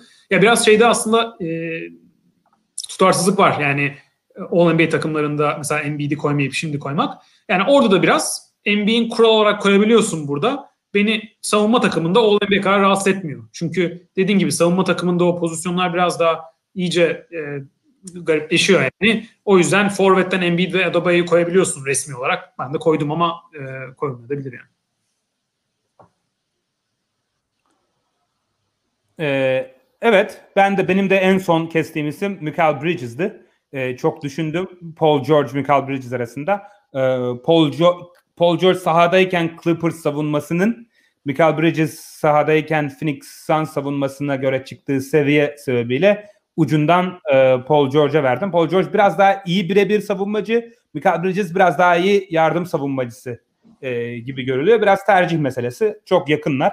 E, ben tercihimi öyle kullandım. Korkut burada en farklı tercih e, sende olduğu için istersen bir Matisse Taibel'ı anlat bize. Abi Matisse Taibel'la ilgili yani biliyorsunuz zaten aslında. Yani bence tek sorun burada 20 dakika falan alıyor olması Matisse Taibel'ın. Yoksa şey olsaydı böyle 35 dakika falan oynuyor olsaydı e, işte nasıl Marcus Smart böyle kariyerinin e, belli bölümünde buralara hep girdi. işte Patrick Beverly. E, Matisse Taibel da aynı şekilde girerdi. Defensive e, box plus minus da tüm ligde lider. E, Matisse, Matisse. E, birazcık o istatistiğin de gazıyla ve abi yani ben dedim biraz önce hani Ben Simmons'ın hani dışarıdaki oyuncuları savunabilmesi ve dışarıdaki oyuncuları savunmanın zorluğu dediğim gibi hani iç, iç oyuncuları savunmaktan daha zor. Matisse Taibel gerçekten kabus abi. Yani Matisse Taibel'ı bir adama verdiğin zaman hayattan nefret ediyor. E, bu istatistiklere de yansıyor. E, işte yani şeyleri görüyorsunuz sık sık. İşte 3 top çalma 5 blok. Böyle işte 4 top çalma 7 7 7 blok değil de yani işte 4 blok falan. Yani böyle şey hani hem göze çarpıyor hem de e, birazcık advanced istatistiklerle e, arkasına alabildiğin zaman ya ben e, maç içinde de e, oyuncuları böyle bezdirdiğini gördüğüm zaman Matisse Taibul'u koymak istedim. Birazcık hipster bir tercih dediğin gibi. Michael Bridges'i alabilirdim.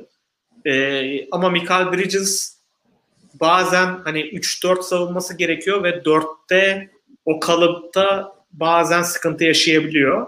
Matisse Taibul ise hani 1 ve 2'yi daha çok savunması beklenen bir oyuncu ve onları böyle hayattan bezdiriyor. O yüzden e, Matisse Taibul dedim. Ee, bence makul bir tercih bu arada. Dediğin gibi tek sıkıntısı 20 dakika gibi bir süre alması ama Hı. dakika bazlı düşünüldüğünde sahaya etkisi en iyi olan dış savunmacılardan biri. Yani zaten dediğin gibi e, top çalma ve blok oranlarında pozisyonunun açık ara en iyisi. İkisinde de yüzde üçün e, üzerinde top çalma ve blok oranı. Bu absürt bir e, rakam yani. Zaten e, bu şey de denir. Yani savunmada playmaking yapma da ligin en iyisi belki de.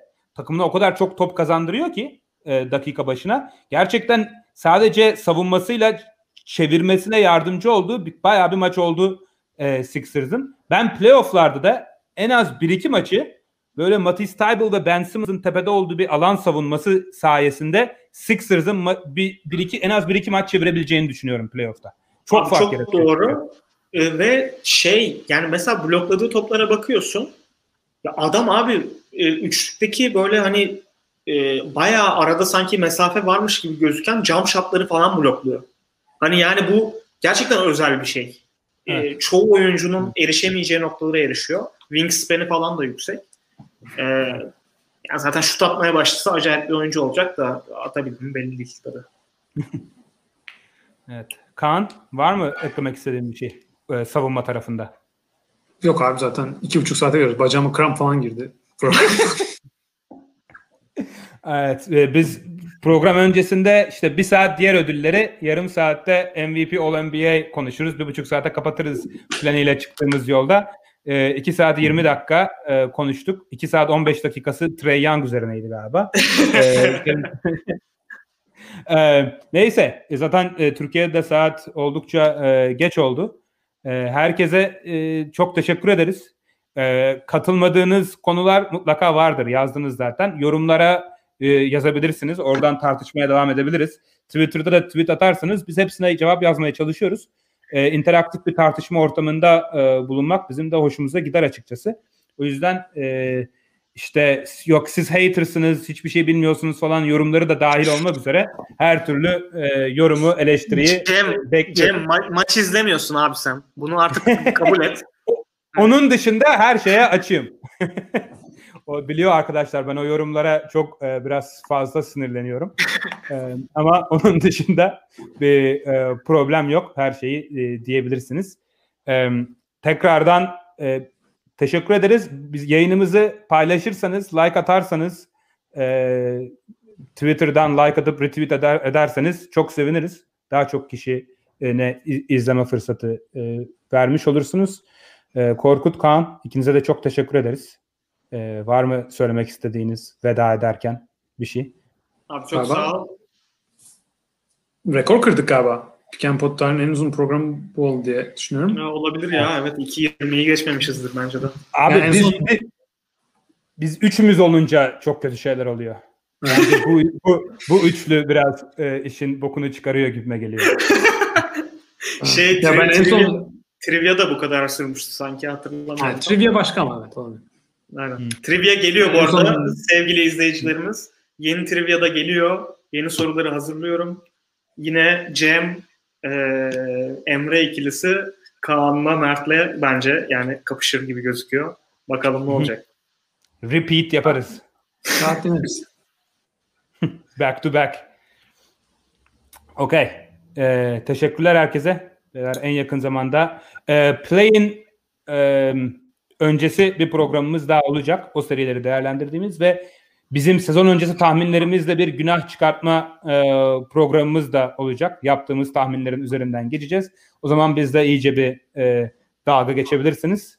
E, bir artık 10. defa veda ediyorum size bu akşam. Görüşmek üzere. Görüşürüz abi.